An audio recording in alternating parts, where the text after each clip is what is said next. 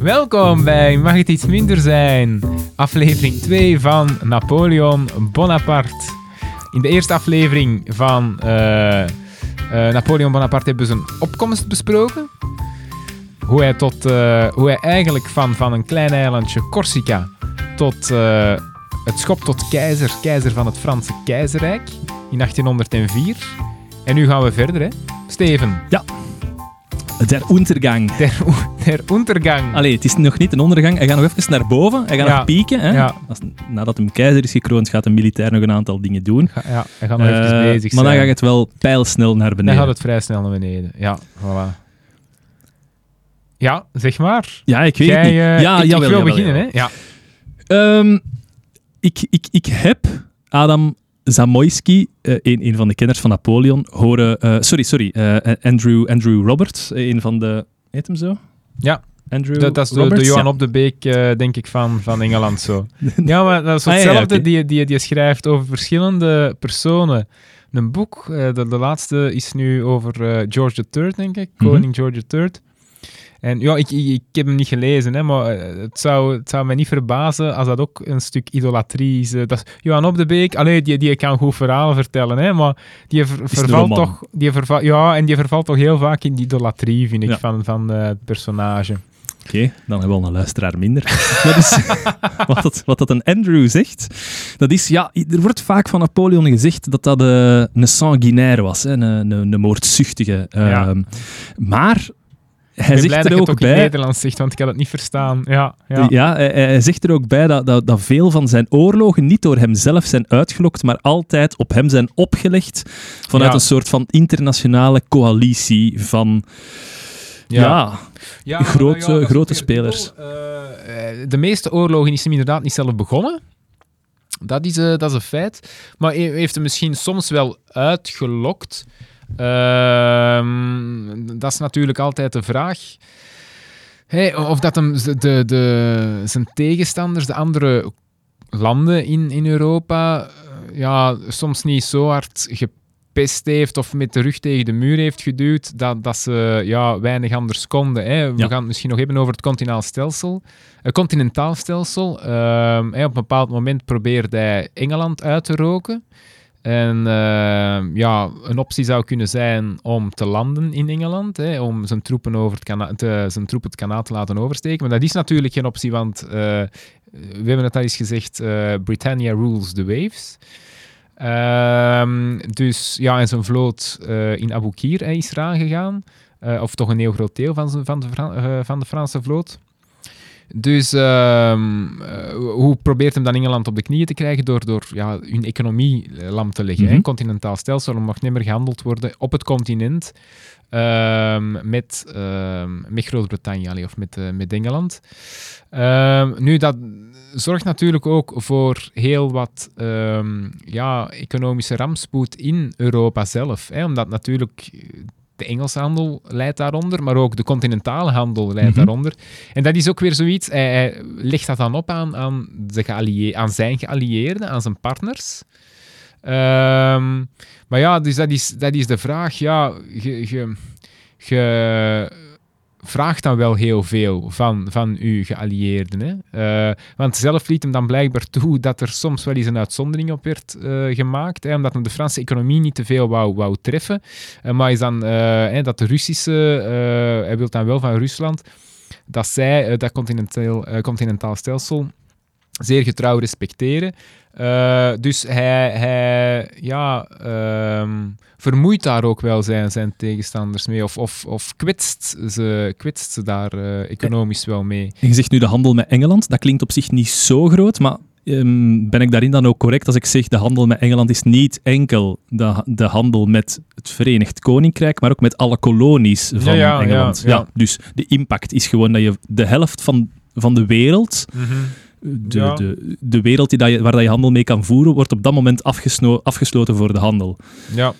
Ja, ja, effectief. Ja. Eh, nog, nogmaals, hè, Britannia rules the waves. Dus inderdaad, ehm, van het moment dat het eh, met boten aankwam, of, of boten op aankwam, en naar kolonies, naar eh, Indië, maar ook eh, ehm, Amerika, ja, dan was Engeland dan een hele belangrijke factor. Hè, en kon daar ook ja, handelstromen wel, wel ehm, droog leggen. En, en import droog leggen, ja. Ik heb, eh, ik heb voor de voorbereiding onder, ja, uiteraard boeken gelezen enzovoort. Dat hoor je allemaal in deel 1. Maar voornamelijk ook, wat dat heel mooi naar boven kwam in de YouTube-reeks Oversimplified, is Ja. dat de, de, de, de continentale grootmachten vaak zeiden van ja, zo'n nieuwe coalitieoorlog tegen Napoleon, zouden we dat wel willen aangaan? En dat Engeland Ja. zegt, hier, zijn bakken geld, bakken geld, Ja, ja, ja. gebruik maar. En dat die constant met miljarden over de brug kwamen om die toch aan te zetten, om de strijd opnieuw aan te binden met Napoleon. ja, ja, ja, ja, die hebben inderdaad echt met geld gesmeten.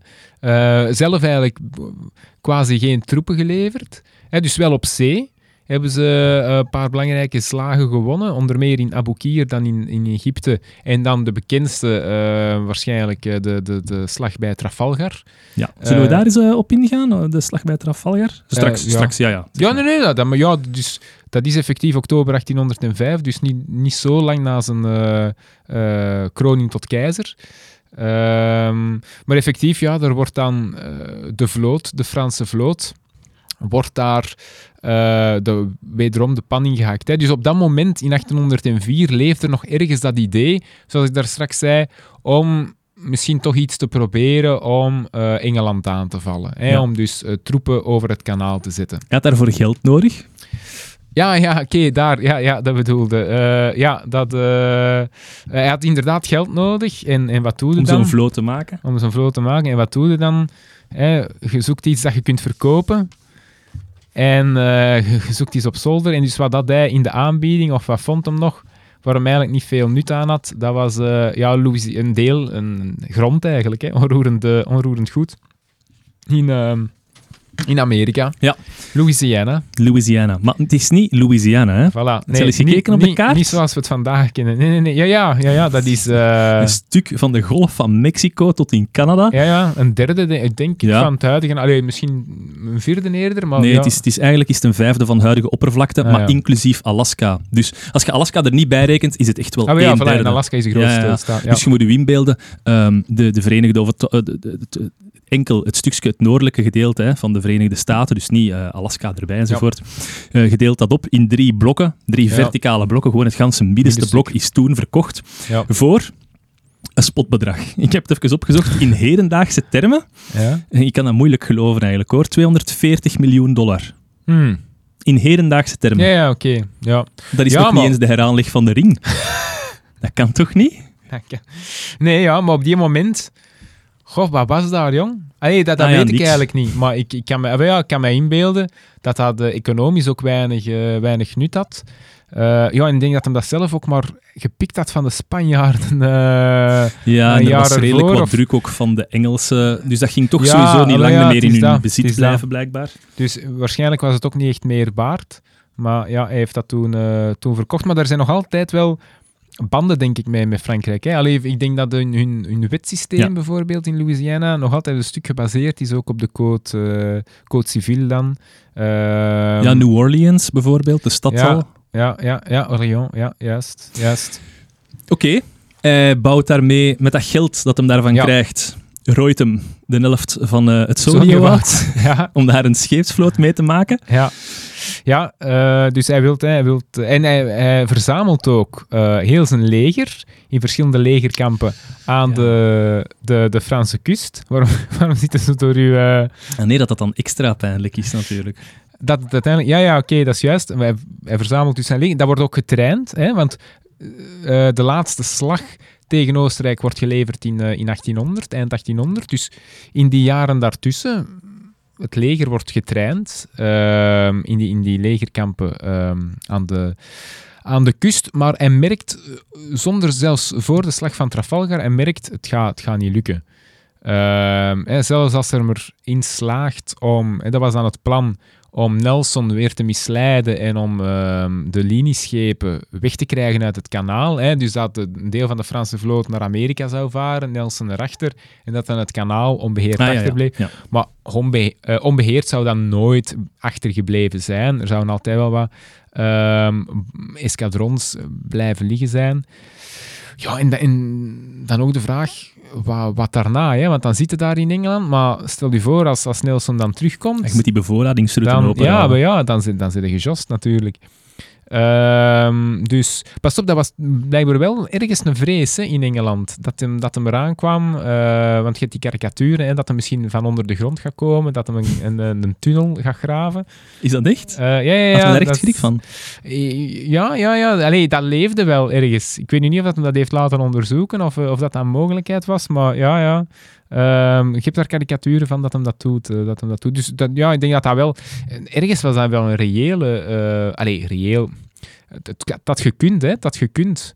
Eh dat ook op een fiasco kunnen uitlopen. Ja, hè. net, net als dat men evenveel schrik had van Hitler, die dat dan uiteindelijk Ja, op de ja. landing ging ja, en de doen. Armada in 1588. Ah, ja, ja. Hetzelfde, hè. Dus, dus ja, het, is, het is een schrikbeeld dat uiteindelijk niet, niet bewerkstelligd wordt. Want wat gebeurt er op... ehm, eh, in 1804, 1805, er komt een nieuwe coalitie. Hè? Dus Engeland, wederom eh, gesponsord door Engeland. Engeland slaagt erin om weer verschillende landen samen te brengen. Eh, belangrijkste eh, in dit geval Oostenrijk, eh, of het Habsburgse Rijk en, en Rusland om een campagne te starten tegen Napoleon, om hem de oorlog eh, te verklaren. Napoleon krijgt daar woord van, of eh, eh, eh, wordt daar op de hoogte van gesteld. En dan, dus dat is eigenlijk allemaal nog voor Trafalgar, eh, beslist hem al van zijn doelen te verleggen. M- merkt hem dan ook wel, hè, dus dat dat niet gaat gaat werken in Engeland.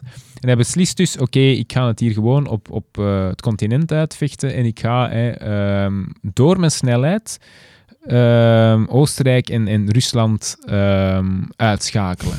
Oké. Eh, en dus enkele maanden later, eh, ik kan direct, direct daar terug op eh, ingaan, dus dat is de derde coalitie, maar dus enkele maanden later ehm, wordt het dan nog eens bevestigd dat er geen invasie van Engeland zal zijn als de Franse vloot en de Spaanse vloot gecombineerd, als die ja, in de pan worden gehakt eh, bij Cape Trafalgar eh, door Nelson. hè. En De- Trafalgar, dat is zo de straat tussen, tussen Afrika en, eh, nee, en Spanje? eh, nee ligt, ligt iets hoger. Ik denk inderdaad niet van Cadiz, niet ver van Cadiz, dus wel daar in de buurt, maar ik denk dat het hoger Ja, ja, ligt. Iets hoger, maar waarschijnlijk niet veel hoor. Ja, dat is eigenlijk een goede vraag. Waar ligt Trafalgar? ja, ik dacht een, een beetje, niet, zoveel verder van Gibraltar. Ah, ja, ja oké, het zal er Ja. wel in de buurt zijn, maar het is, inderdaad, het is, Hoger. niet, het is niet in de straat van Ah, oké, Gibraltar. hè, oké, maar, ja. Ehm, dus Trafalgar, dus hè, daar, ja, de ambities oh, die er ooit waren geweest, eh, worden daar duidelijk, eh, duidelijk gestopt. Maar dus eigenlijk Napoleon had zelf al zijn ambi- ambities daarvoor, daarvoor Oké. verlegd. Eh, en dat is ook de slag, hè, Trafalgar, waar dat de Nelson dan, eh, Horatio Nelson, sterft. Hè. Dus, eh, ah, ja, ja, ja. de, de grote... Die was wel klein trouwens. Dat moet wel echt een lilliputtertje zijn geweest. Nochtans, hoog standbeeld in... eh, Ja, ja, ja, wel op een zuil natuurlijk. zuil, ja, als je ja. mij op een zuil zet, dan ben ik ook groot. Eh, dus die sterft daar. eh, sterft daar. Wat is Eh, de belangrijkste slag van de derde coalitie? Hè? We, we spreken hier over Ja. coalities, omdat het Derde. wel vaker Ja. gebeurt dat de internationale grootmachten zich samenspannen. De derde is misschien wel zijn, eh, zijn hoogtepunt, ja, de slag van Austerlitz. ja, dus wat hem doet, hè, al de, de, de, eh, eigenlijk het leger zit in, ehm, eh, aan de kust. En dus hij Waar gaat... aan de kust? Eh, Boulogne, daar rond. eh, die kant Boulogne. En dus wat gaat hem doen? Hij gaat in een snel tempo, ongezien, hè, we hebben al er juist over de snelheid van zijn leger gepraat, hij gaat in ongeziene snelheid dat leger verplaatsen naar eh, Duitsland. En, en zelf gaat hem ehm, dan proberen de vijand te misleiden door naar Parijs te gaan, eh, daar het, het publieke leven te leiden, hè, eh, in, de media, in, de media te komen, dus in allee, het publieke leven te komen, geen vuiltje aan de lucht. En ondertussen is zijn leger, dus in, in eiltempo, naar, ehm, eh, naar Duitsland aan het gaan, waar dat eh, Oostenrijk al in Beieren was binnengevallen. Beieren was een bondgenoot. eh, het Oostenrijkse leger. Dus het Oostenrijkse leger lag daar al. Het Russische leger lag nog achter. Dus hè, dat was een betrachting van, oké, die mogen niet samenkomen. Weer, hè, verdeel en, en heers. Dus scha- schakel ze individueel uit. Dus hij, hij verplaatst zijn troepen naar daar. En wat hij eigenlijk dus daar doet, in Ulm, eh, onder eh, het leger, het Oostenrijkse leger onder generaal Mak, hij ehm, laat ze geloven eh, dat hem daardoor door ehm, het Zwarte Woud gaat komen, als ik mij niet vergis. Dus hij laat daar één divisie of één korps. Want dan, het is ook in die campagne dat hem ehm, de term La Grande Armée uitdenkt. Dus Mhm. vanaf nu zijn we niet meer l'armée, maar La Grande Armée. Ook die een imagebuilding. Dus hij laat een, korps wat schijnaanvallen uitvoeren door het Zwarte Woud. Hè, dat, dat ze denken, oké, ze komen langs daar. En uiteindelijk stuurt hem het gros van zijn leger gewoon om in een sikkelbeweging rond het leger van eh, de Oostenrijkers, rond het leger van Mak. En zonder dat er eigenlijk echt een, een veldslag wordt geleverd. Een grote kan dat nu? Daar zitten toch met die, met die, met die cirkelbeweging zitten toch drie dagen bezig of zo? Ja, ja oké, maar ze hebben dat natuurlijk niet meteen... Dat, je doet dat niet in de line of sight, hè. Ja. Ehm, dus eh, als je daar niet, ja, als je daar niet berust eh, of, of beducht op bent, als je daar niet op voorbereid bent, ja, dan kun je het, eh, kun je het wel eens vlaggen hebben. Hè. Ik neem aan dat hij zijn scouts niet, niet al te goed waren, of dat hij Mhm. geen scouts had uitgestuurd. En dus zijn communicatielijnen worden achter in zijn rug gewoon doorgesneden. En hij wordt volledig, eh, volledig omsingeld. Dus dat is ook wat Napoleon eh, zou zeggen. eh, daarna van, ja, ik heb eigenlijk die campagne gewoon gewonnen door te marcheren. En Ja. dat is effectief wat hem daar doet, hè, door snelheid, door snelheid te pakken. Nu oké, dus dat Oostenrijkse leger onder Mak is, is uitgeschakeld. Hij neemt er iets van 60.000 krijgsgevangenen of zo. Eh, maar de Russen eh, komen nog. Hè. De Russen zijn nog op weg. Nu, die horen dat ook van ehm, eh, het feit dat hun Oostenrijkse partner is uitgeschakeld. Dus die, die ballen het ook af, die trekken terug. Napoleon daarachter in eiltempo blijven terugtrekken. En daar had hij misschien ook het, ergens het probleem wel gehad van, oké, hij moest een slag afdwingen. Ja. Eh, want zijn communicatielijnen werden ook alsmaar langer. Hè? Ah ja, je wilt zeggen, door, door een terugtrekkend leger te achtervolgen, maakt je ja, je communicatielijnen Ja. zodanig lang dat die kunnen imploderen. Ja, voilà, voilà. Je moet dat leger Eh, ergens opzoeken. Ja, ja, ja, en hij is ook het staatshoofd, dus eh, ja, het feit dat hem altijd zo ver weg is, allee, hij moet ergens toch ook die band met Parijs behouden, dus hij wou een beslissende slag. En hij heeft daar dan het geluk dat ehm, eh, de tsaar, Alexander, ehm, er wel iets voor voelde om slag te leveren. Hij wilde, ehm, die zocht naar glorie ook. Dat was een jonge, jonge tsaar, 27 of zoiets. Zot van glorie. Hij wilde, hij wilde eigenlijk het Russische leger zien slag leveren, terwijl dat eigenlijk de, de, de Russische bevelhebber, Kutuzov, eh er niet voor te vinden was. Die, die was eerder voor, eh, eh, we, trekken ons, we trekken ons verder terug. Dat is ook uiteindelijk een tactiek die in 1812 ehm, tot succes zal leiden. Ehm, maar dus, nee, Alexander zegt, we stand our ground and we fight. Ehm, ook dan met eh, de, de Oostenrijkse keizer, die is dan op dat moment ook aangekomen, Frans. Eh, de reden ook waarom dat de slag bij Austerlitz ehm, de drie keizerslag wordt, eh, wordt Oh ja. genoemd. Ja. En maar dus, wat gebeurt er? Dus we zijn in Austerlitz. Napoleon heeft daarvoor ehm, een, een aanbod gedaan voor vrede aan, aan Rusland, met de bedoeling om te laten overkomen dat hem verzwakt zou zijn. Mhm. Dus dat hij eh, er veel bij te winnen had. eh, wat ja, bij Alexander natuurlijk werkt als een rode op een stier. Van ja, deze is de moment, ze zijn verzwakt, we gaan erop. En dus wat doet hem dan, Napoleon? En, en oké, dat is natuurlijk ehm, briljant. Hij kiest het slagveld uit. Hij kiest, oké, hier gaan we slag leveren. En dat is een heuvelachtig, eh, heuvelachtig slagveld. En ja, wat, wat is dan de logica? Je neemt de, de heuvels in. Oké, ja. ja. leger, Nu ineens hè? komen we terug bij Ja. mij naar boven. Ja, ja. neemt de heuvels in. Wat doet hij? Hij doet dat niet. Ja, juist. Ja. Stelt zijn leger in de vallei op. Ehm, en hij laat het Russische leger de hoogte nemen. De, de Pratsenhoogte. De heuvels van Pratsen. Ehm, nu, wat was het idee? Hij ging zijn rechterflank, de rechterflank van zijn leger, daar ging hij, ehm, die ging hij verzwakt opstellen. Dus hij ging er maar één korps of zoiets eh, laten, laten staan. Dus zijn rechterflank, hij ging die zwak maken, bewust zwak maken, Wat het- men vanuit de hoogte ook kon zien. Ja, voilà, Ja. voilà dat daar zwak... Dus de logica dan bij, bij de tegenstander, bij de ruzie is, oké, die, die, die flank is zwak, dus we gaan proberen daaraan te vallen. Als die flank valt, ja, dan kunnen we hem omsingelen. Ja. Dus dacht Napoleon, en dat is dan bewaarheid geworden, oké, ze gaan zien, rechterflank is zwak, het leger, of het, het, het midden van het leger, de kern van het leger, stond op die pratsenhoogtes. Ze gaan zien, die rechterflank eh, is, is zwak.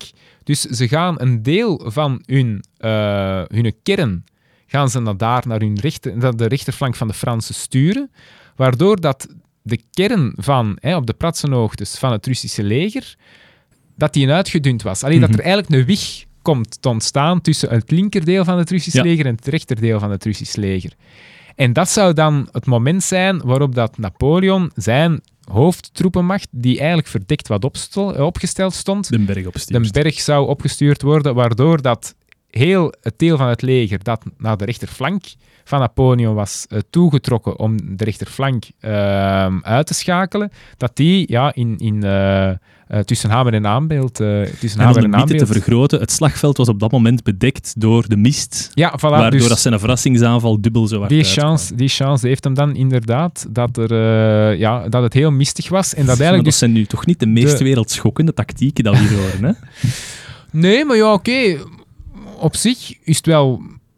Het is een breuk hè, met wat je normaal zou doen. Met op, op, op, In plaats van de high ground Ja, te verdedigen. Ja. Eh, dus dus ik, ik kan mij wel inbeelden dat je wel even verschoot als ineens eh er tienduizenden mannen die in die heuvel opkomen en dat je eigenlijk een deel van je leger naar, naar links, eh, alleen naar de rechterflank hebt gestuurd. En dat je dus ziet ja, dat, je, dat je centrum, het centrum van, eh, van je troepen is, is, is, is verzwakt. Ehm, dus ik, ik kan mij wel inbeelden dat dat, eh, dat, dat even verschieten is. Alright. Eh, en dus ja, dus, eh, wa- wa- wat hij had voorspeld de dag op voorhand, hè, het gebeurt effectief ook. Ze trappen, ze trappen perfect in de val. Was een risico, hè, want als die een rechterflank niet had gehouden, dan had hem zelf waarschijnlijk in de pincer move genomen, genomen geworden. Hè. Dus, maar, maar zijn rechterflank houdt het lang genoeg uit. En, ehm, en, en maakt dat hij dus ja, eigenlijk het leger kan in twee knippen. Het vijandelijke leger kan in twee knippen van de Russen. En eh, dat hij daar een, een glorieuze eh, veldslag... eh, En wat haalt hem daaruit? Uit je de vrede, vermoed ik.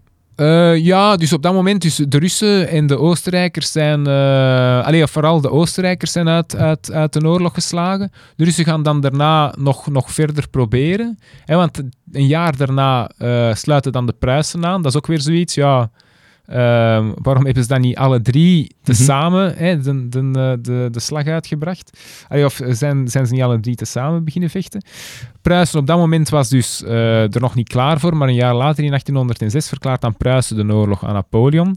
Ehm, ja, oké, ook weer op een dienbladje natuurlijk. Dan kan hem zich enkel concentreren op, op Ja, Pruisen. momentum kwijt. En, Momentum kwijt, ja. Dus ehm, ook daar, eh, in 1806, in, in de veldslagen van Jena en Ouderstedt, eh, verslaat hem dat Pruisische leger. eh, en, en, en ja, bijna, allee, hij, hij veegt dat gewoon van de kaart. Oké. En dan, oké, dus de Russen die doen dan nog altijd wel verder op hun eentje, ehm, waardoor dat eigenlijk Napoleon zijn troepenmacht ook meer en meer naar het oosten wordt gesleurd, of eh, wordt meegezogen. En de beslissende veldslagen gaan dan gebeuren rond de Koningsberg, eh, Kaliningrad vandaag, die Russische enclave. Aan de, eh, wat is dat daar, Baltische, Baltische. Zee, onder, onder Litouwen. Hè.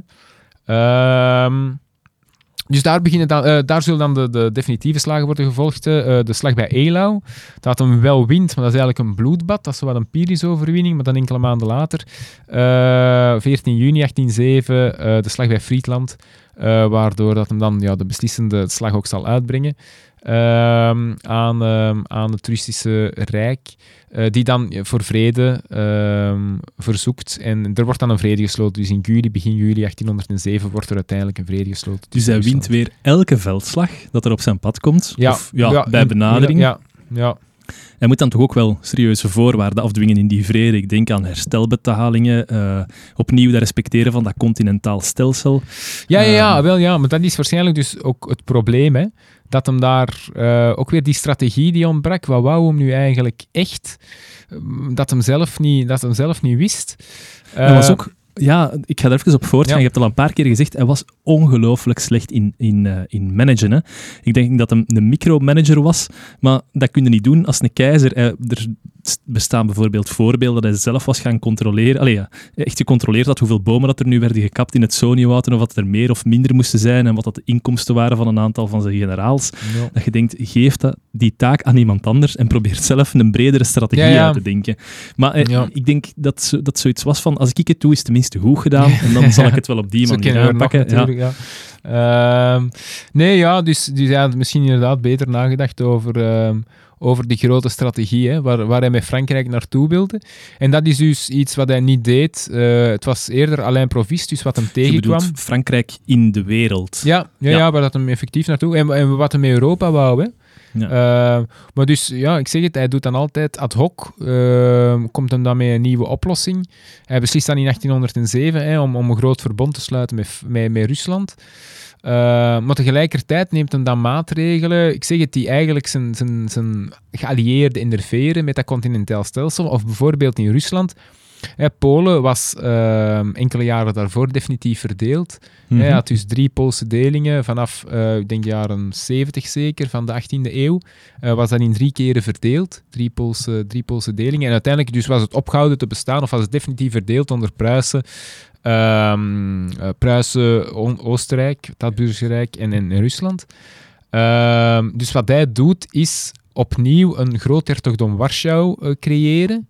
Maar uh, ja, ergens natuurlijk wel in, in de achtertuin van, van Rusland. Dus mm -hmm. enerzijds sluit hem dat bondgenootschap met, met Rusland, maar anderzijds ja, steekt hem dan ook een fuck, een fuck you vinger er naar uit. Hè, was dat puur voor zijn lief, Maria Walewska, dat daar zat? Uh, ja, Waarom zou hem dat anders doen, vraag ik mij af.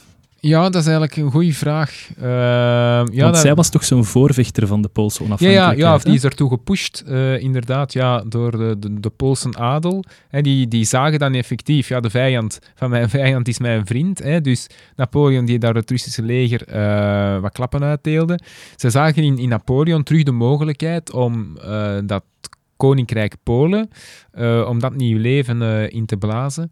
En dan hebben ze effectief een van hun uh, knappere, knappere, bevallige dames, Maria Walewska, ehm, ja, in de armen eigenlijk geduwd van, van Napoleon. ja, en dat is dan wel alleen een van ja, zo de grote liefdes geweest. Met van, een kind. en, en uiteindelijk een kind gekregen van Napoleon. dat, dus, dat dus wel. Goh, heeft hij heeft hij daar... Ja, heeft dat een impact gehad? Misschien wel. Uh, het, zou, het zal ook wel eh, heel opportunistisch uh, zijn geweest. Hè? Gewoon van houd ze te vriend. Want uh, hij kon dan die Polen ook wel inschakelen in zijn leger. Ah, ja, ja. dus die hadden dan ook wel een, uh, een korps dat door hen werd samengesteld. Of door, door hun troepen werd samengesteld. Dus het zal, het zal zeker opportunistisch zijn geweest. En hij heeft nooit ambitie gehad om echt dat koninkrijk Polen terug, terug leven in te blazen. Ja. Um, dat zei Adam Zamoyski ook wel. Hè, dat, um, hij was zo slecht in uh, de geopolitiek, in, in het hebben van uh, vriendschappelijke relaties met andere staten. Het was altijd een soort van pest, pestgedrag ja. ten aanzien van die andere staten. Hij heeft dan ook uiteindelijk uh, Spanje onder de knie proberen te krijgen ja. en, en, Portugal. Ja. Maar ja, onder misschien... zo'n voorwaarde dat het nooit zou gelukt zijn. Dus... Nee, hij moest altijd de winnaar zijn. Hè? Hij moest altijd laten zien dat hij, dat hij de winnaar was. Ja, misschien dat dat ook voortspreidt uit dat minderwaardigheidscomplex dat we er juist zeiden. Hè? Dat hem altijd dacht van... Omdat hem zo klein was, wil je zeggen. Nee, nee. nee, hij was niet klein. hij was... Uh... Nee, hij was blijkbaar echt quasi exact de gemiddelde hoogte. Ja. Dus, uh, dus wat, wat, ik misschien nu ben, uh, ik denk dat ik een gemiddelde hoogte heb. Ah ja, ik dacht al, want Napoleon was klein. Nee, nee, Napoleon was klein, was ja, ja. een meter 70, allee, of een meter 69 en zoveel. Uh, maar dat was dus toen, op dat moment was dat de gemiddelde, ja. uh, de gemiddelde Dat was dus hoogte. gewoon propaganda van de Engelsen nadien. ja, ja, ja, dat heeft er een stuk toe bijgedragen. Er is ook een verhaal ehm, dat het gekomen is door het verschil tussen metrische systemen. Dus wij doen het centimeter of zoiets, en zij doen feet of zoiets. Ja, ja, ja. En dus dat er daar een omzettingsfout is gebeurd. Ah, ah, Eh, zo, En zo, dat dat ineens, een, eh, dus ineens een lilliputter bleek. Eh, maar dus dat was niet het geval. Nee, nee, hij was, hij was ehm, niet, niet, niet, niet van de grootste. Hij was dus gemiddeld. En blijkbaar, ja, oké, hij liet zich ook wel omringen. Zo, bijvoorbeeld zijn garde impériale, de keizerlijke garde, eh, daar was een minimum vereist voor grootte. Ah, die moest echt een meter tachtig of zoiets zijn, of, of ja, iets kleiner, denk Ah, ik. ik. Ik had erin gemogen. Eh, heb, ik, heb ik gezien. Je moet Eh, eerst nog wel tien jaar, ja, is tien ja, jaar ja, dienst en een heldendaad verrichten. Hè? Eh, ik denk in de meter 76 of zoiets. Bon. Maar dus hij liet zich op- omringen door grote, door grote mannen. Hè, ook met een berenmutsen daar nog eens op. Dus ja, oké. Ah, en ze noemden hem Le Petit Général, maar dat is zo'n soort van geuzennaam. Als uw generaal het goed doet, dan zeggen uw soldaten tegen u, ja. jij zegt Le Petit Général. Ja, ja, ja, ja, ja, eentje van, ene van ons. Ene van ene ons, van ons. ja. Wat, hij, wat hij natuurlijk ja, perfect speelde. Hè. Ehm, allee, zelf ook, ja, die, die, die relatie met, met zijn leger of met de gewone man. Hij heeft dat eh, in, in, denk, dus in die zin dat hem ja, kan gezien worden als zo de eerste moderne leider. Dat, eh, dat, daar was hem heel sterk in. Was hem heel Ja. sterk in ja. Ja, als je daar meer over wilt horen, deel 1. Ehm, Oké, die grootmachten krijgen op hun doos, maar een aantal jaar later beslissen ze om opnieuw, hè, onder druk van Engeland, maar opnieuw een coalitie te beginnen Ja. tegen Napoleon. De vierde coalitie, weer al diezelfde partijen. Misschien Zweden zit daar ook in, met Bernadotte of zoiets. Eh, ja, dat, dat is de vijfde, hè, denk ik. Is dat de vijfde? Eh, ik denk ja. de vierde is Ja, met. Pruisen. Denk ik, hè. Eh, maar dus ondertussen is er dan inderdaad een oorlog begonnen in Spanje. Ehm, omdat daar ook een, een, een conflict was tussen de, troonop, de koning en de troonopvolger. Dus heeft hem gewoon gezegd, oké, kom, allemaal buiten. Zag ik wel, koning. Dat ik wel, allee, of mijn broer, zal mijn broer wel koning maken. En dat, is, dat is ergens ja, het begin van het einde geweest, omdat daar, dat was niet te veroveren, dat land. Eh, dat was ja, de Vietnam. De Vietnam van Napoleon. de Eh, guerrilla. De guerrilla, voilà. Ehm, dus dus hij, ja, hij kon er honderd keer slag leveren en het hield niks uit. Hè. Allee, eh, En, en waarom is dat ook? Ehm, waarom, is die, waarom zijn die zo fundamenteel tegenstrijdig? Is dat iets met katholicisme of zo? Of, eh, Ja, dat zal er wel hebben meegespeeld dat de kerk daar een zwaar, een zwaar gewicht had. Maar ik weet het, ja, ik weet het niet waarom, waarom de andere landen zo makkelijk te veroveren zijn en dan Spanje. Niet waarom was Vietnam zo moeilijk te veroveren. Waarschijnlijk omdat er te weinig structuur was. eh, dat je niet, je snijdt de kop eraf en je wint. eh, maar dat, dat je ja, eh, eigenlijk overal je macht moet laten zien, neem en ook aan. geen groter idee. Hè? Er- allee, ja. Nee, nee, nee, nee, nee dat hij ook niet. contingency. Nee. In Spanje ook niet. Plus, Spanje is natuurlijk heel makkelijk. Hè. We hebben dan ook gezien, hij heeft dan Portugal ook proberen in te Mhm. nemen. De Engelse landen Ja. daar dan heel Ja, wel, vlotjes. het is dan inderdaad dat de Engelsen zich echt ook gaan mengen in, in, eh, op het slagveld. Hè. Dus daarvoor hadden ze eigenlijk nooit... eh, Oké, dus we slag hebben een redelijk, een redelijk groot Frans Rijk, maar Ja. beneden in dat Iberisch schiereiland, daar zit het constant te branden en daar moet hem ook altijd zijn aandacht op vestigen, maar hij probeert Ja. dan toch nog het- breder te denken. traineert troepen weg, hè. Ja, inderdaad. Ja, ja, ja. En dat is eigenlijk het begin van het einde. ja, dat zouden we kunnen zeggen. Ja. Oké. Eh, en dan in 1809, oké, is er dan nog... Hè, denkt Oostenrijk, kom, laten we het ons nog eens proberen. Ehm heb je dus nog eens een Van campagne... Van Eyre op in doos. Ja, daar is het wel het verschil kleiner. Je ziet Ah, ja. ook dat Napoleon daar...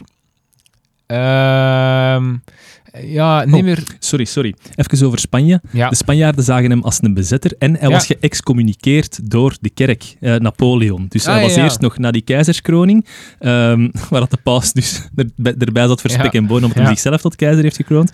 Nadien heeft de kerk hem geëxcommuniceerd en de oorlog ten aanzien van hem uitgeroepen. Dus dat was zo, ja, een no-win situation. ja, ja, nee. Oké, ik had je onderbroken. Eh, nee, nee, maar ja, dus dan krijg je die vijfde coalitie, nog eens Oostenrijk. Eh, ja, en dus die verslaat hem dan effectief twee slagen. Asperen eh Essling, maar die verliest hem eigenlijk. De eerste slag verliest hem. Dus dat is eigenlijk de eerste keer dat hem echt, echt verliest. Allee, of echt een grote slag verliest. Ehm, verliezen wordt dan gedefinieerd als ja, wie blijft er over op het slagveld. Hè? Dus, dus dan moet hem rechtsomkeer maken. Ehm, en dan een tweede slag, ja, Wagram, eh, een maand later of enkele weken later, die wint hem dan. Ehm, maar dat is ook, ja, dat waren echt slagen erop en erover. Hè. Eh, daar, daar zat minder creativiteit in, hoor, als je dat ziet. Eh, dat is gewoon, hij, hij had het grotere leger en, en, en pushen. En duwen. Er wordt ook gezegd dat de andere legers ondertussen hun lessen al hadden Ja, geleerd voilà. en met nieuwe technieken begonnen Voilà, te... Ook ja. de wapentechniek, viziers gebruiken, ehm, rifles, de Ja. Engelse rifles. Ja, ja, dus ja, klopt. Wapens die op langere afstand ehm, preciezer schieten. En hij deed het allemaal niet. Ja. Nee, dat, wel, dat is wat Samoyski zegt. Hè. Eh, Ik heb het hier Oh, opgeschreven. ik zie dat niet zelf. Sam- nee, Samoyski zegt dan: His enemies learned from their mistakes. He didn't learn from his. Ja. Dus eh, ja, en ik denk dat inderdaad eh, dat dat ergens klopt. Dat hij. Weet je, de, de, de, de, zijn eh, winnende tactiek die stond al op punt in 1796. Hij kon daar ook natuurlijk op voortbouwen op wat er in de revolutie was gebeurd. Hij is nooit veranderd. Dat is altijd zijn winnende tactiek gebleven. Snelheid, legers verdelen. Ehm, en dus in het begin had hem dan een enorme vo- voorsprong op de anderen. Maar ja, na een tijd natuurlijk die benen, die benen ergens wel bij. Ehm, dat wil niet zeggen dat hem nog altijd met die tactiek... Ik, ik, ik, vergelijk dat soms met, eh, met een rockband of zoiets. Eh, een rockband die, die in de jaren 70 of 60 eh, experimenteel nieuw was. Die, die wauw, wat is deze? Ehm, ehm, noemt zoiets iets? Eh, Stairway to Heaven. Allee, hoe noemen die van? Dat hè? is Led Zeppelin. Ja, Led Zeppelin van mij, hè, dat, is, oh, dat is nieuw, experimenteel, maar dat is geweldig. Eh, ik weet nu niet of dat, dat voor Led Zeppelin opgaat wat ik nu ga zeggen, want zo goed ben ik er niet in thuis. Maar dus die, die wel weten hoe dat ze een, een goede rockplaat moeten, moeten schrijven en die dat nog altijd wel kunnen, maar ondertussen is de maatschappij wel geëvolueerd hè, en zijn er andere genres. En dus als je die rockplaat uitbrengt, of als je op tournee gaat, je gaat dan nog altijd wel een vol stadion hebben, maar het is niet meer hetzelfde wat in de jaren 60 of 70 Ja. was. En uw Dus- fans zijn ook al ouder. Ja, ja, ja, klopt. Dus ik denk dat dat wel hetzelfde is. Het heeft nog wel succes. En, en bijvoorbeeld de Waterloo-campagne.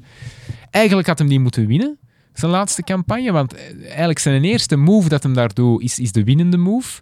Door zijn leger tussen dat van Pruisen en Wellington te zetten. Dus hij wint daar op dat moment.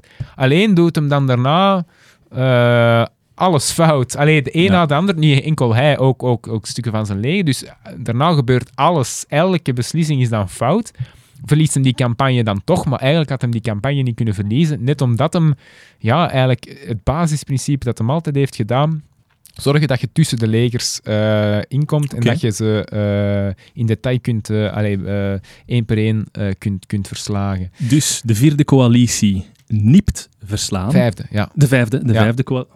Oh ja, we zijn al zo ver. De vijfde coalitie Ja. verslaan.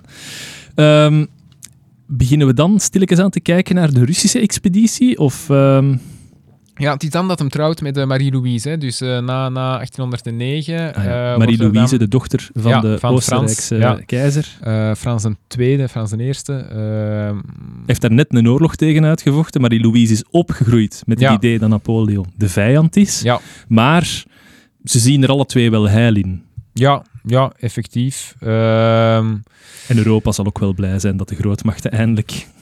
ja, ja. eh, dus ik denk inderdaad dat dat een win-win voor, voor iedereen was. Ja. eh, wat stabiliteit bracht. Ehm, dus, dus dat brandje is, is geblust. Hij krijgt ook hè, dus een zoon, Napoleon II. Ehm, heel, heel inventief, uiteraard. Zo zijn die mannen. Eh, maar is dat dan echt... Allee, ik- ben niet van royale afstam, afstamming, sowieso niet. Nochtans, Mocht ik nu een kleine krijgen als koning, zou ik mijn klein dan ook Steven noemen? Ja, op dit moment Is dat, dan, denk ik... is dat dan echt zo? Of geefde die eh, een tweede naam en noemde die hem dan bij zijn tweede naam? Of noemde uw kleine echt gewoon met dezelfde voornaam? Ja, toen gebeurde dat veel, hè. Ja, ja. Ja, ik vind dat nog altijd opmerkelijk. Ja, op dit hè. moment gebeurt dat ook niet meer, denk ik. Ja, ja om je kleine junior te noemen, dan moet het toch... Dan moet, dan moet hem, dan moet hem niet graag zien. Dat is waar. Dat gebeurt nog altijd. ja, maar dan moet hem niet graag zien, toch? Doe dat niet, hè, mensen. Nee. Alsjeblieft, hè. Ja, maar je hoort, hè. Je hoort soms nog. Ehm, Hoe komt dat Rusland op den duur moeilijk begint te doen? Ja, omdat die nooit echt... Dat is een verstandshuwelijk geweest, hè, in 1807. Dat is nooit echt eh, de liefde geweest tussen die twee. Twee Eh, jonge keizers. Ja, ja, ja, ja. eh, zeker zeker Alexander hè, zag daar ook ehm, glorie. hè. Oké, zijn rijk vergroten ook, hè, ten koste van het Ottomaanse Rijk dan, ten koste van Polen in de decennia daarvoor. Dus hij, ja, ik denk dat hij zichzelf ergens ook wel in die rol van Napoleon zag. Ehm, dan in het oosten. Dus Ik, ik wil nog iets anders. Echt Ja. een, een, een kleine vraag hoor. Allee, ik bedoel, klein, klein geestig van vraag. Ik, ik probeer me dat gewoon in te beelden. Hoe, hoe kunnen die contacten tussen, tussen Alexander en Napoleon überhaupt zijn als daar meer dan 2000 kilometer tussen zit? Hoe, hoe vaak zien die elkaar? Is dat ene keer om de drie jaar bij een vredesonderhandeling? Of is dat via hun diplomaten die dat dan twee Ja, ja. weken moeten wachten op een brief van elkaar? Hoeveel keer hebben die elkaar gezien? En dat is een goede vraag. Ja, ik weet dus in 1807 hebben ze elkaar gezien, hebben ze elkaar omhelst hè, in Tilsit, aan de Memel. Is er ook niet zo'n fragment van dat ze elkaar gekust hebben? Of zo? ja, maar ja, dat is daar. Ja, Ja, ja, ja. ja. Ja, Eh, ja maar ik denk, ik denk dat er wel geen tong was. Allee, denk Dan tel het niet. Ja, Dan tel het niet. ja, vind ik wel. Ehm, nee, dus dat is op de tweede date trouwens, Tom. Hè? Ja. Nee, eh die is 1807, ehm, dat ze echt praten. Hè? En dan denk ik, allee, dat ik weet, eh, in 1810, denk ik, in Erfurt is er dan nog nog eens ehm, een week dat ze samenkomen. Maar ik denk daarna, ja, echt persoonlijk, dat ze persoonlijk hebben gepraat. Eh, het zou kunnen hoor, dat er nog wel... Ja, het zou kunnen. Ah, ik vind dat gewoon zo raar als ik die, als ik die teksten lees.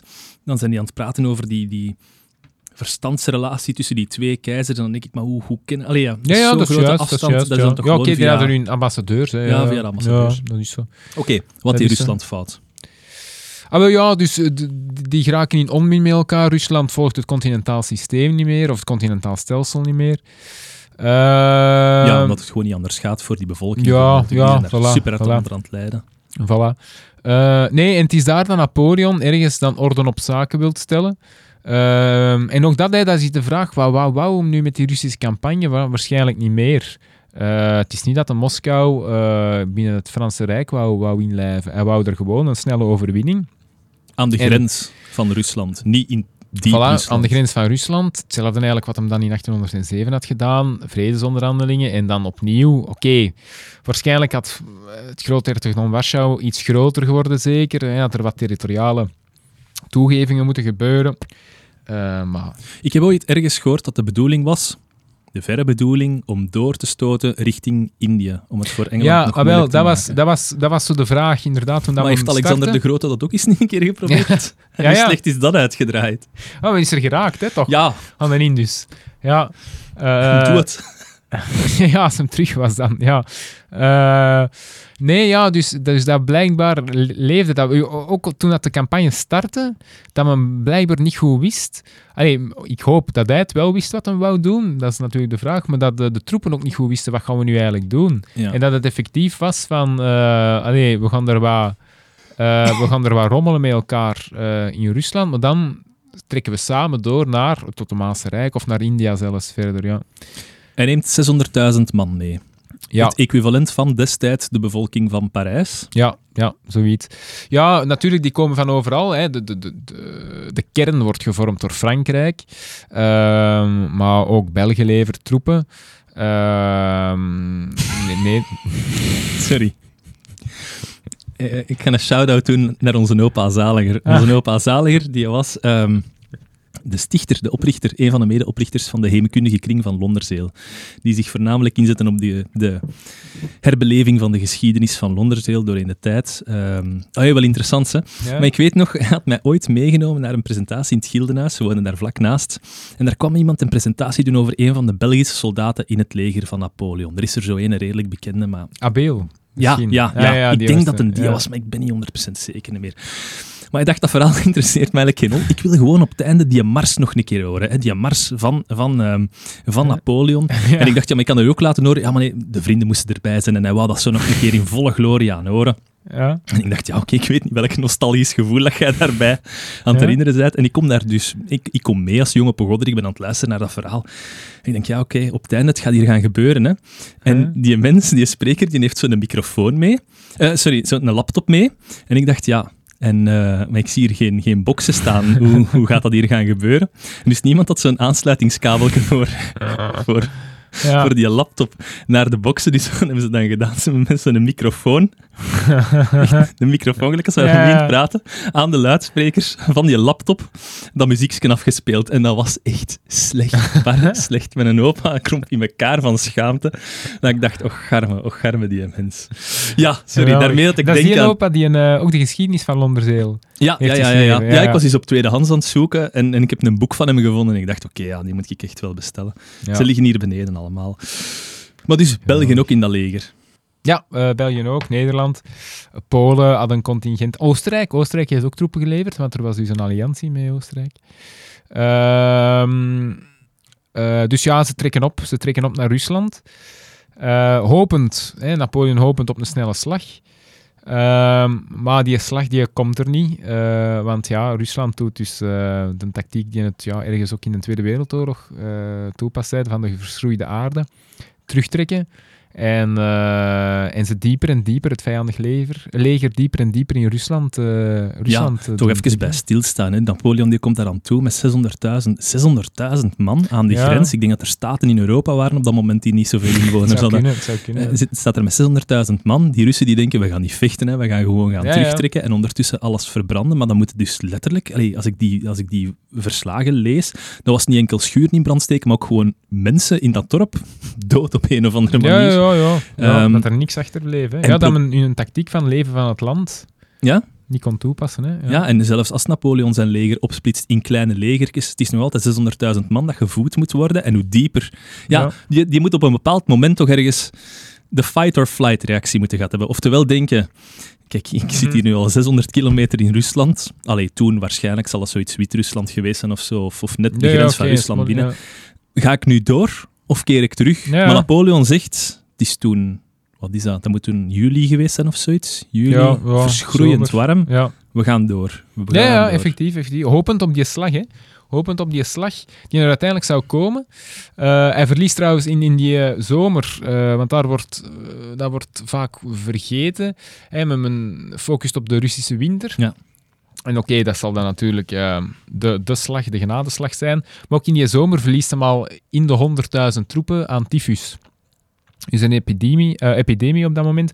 Dus ehm, al heel veel troepen, paarden ook, ehm, die, die bij bosjes sterven in die zomer al. Nu, ehm, dus dat Russisch leger hè, weigert slag te leveren, eh, trekt, zich, eh, trekt zich terug. Er zijn mensen hè, die, die Napoleon ook zeggen van oké, laat ons hier stoppen. Bijvoorbeeld in Smolensk, laat hij ons hier stoppen, hier overwinteren. Smolensk, gekend van De zwarte Madonna van Smolensk. ook, maar de vliegtuigcrash van Ah, eh, ja, ja, juist, de Poolse ja. delegatie dat daar is neergestort. Ja, Kaczynski, Ka- Ka- Kaczynski, Lech eh, inderdaad. Eh, ook nog een anekdote daarover. Ik, eh, ik was enkele maanden daarna in, eh, in Krakau. En eh, Ja. Krakau, de eh, ben je er al eens geweest? Nee, nee, nee. Ah, wel, nee. er staat een burcht ehm, vlak naast de rivier, ehm, de, de Viswa, denk ik dat dat is. Eh, ja. Ja. de Viswa, vlak, daarnaast. En aan de overkant, ehm, nee, wacht, ik ga, ik ga het verhaal anders vertellen. En in die burcht is er een kapel en daar worden dus alle presidenten eh, bijgezet als ze komen te overlijden. En dus er was een hele lange lij- rij aan het aanschuiven om dat lichaam te groeten. En wij waren daar en we dachten op dat moment, ja, ze, we gaan dat ook eens doen. Hè. Ja. De, de Poolse president is eh, net gestorven. Maar aan de overkant van, ehm, van, van de rivier was er een heel groot gebouw. En daar hing op dat moment eh, reclame op. En die reclame heeft voor een kleine diplomatieke rel gezorgd in Polen. Want wat hing daarop?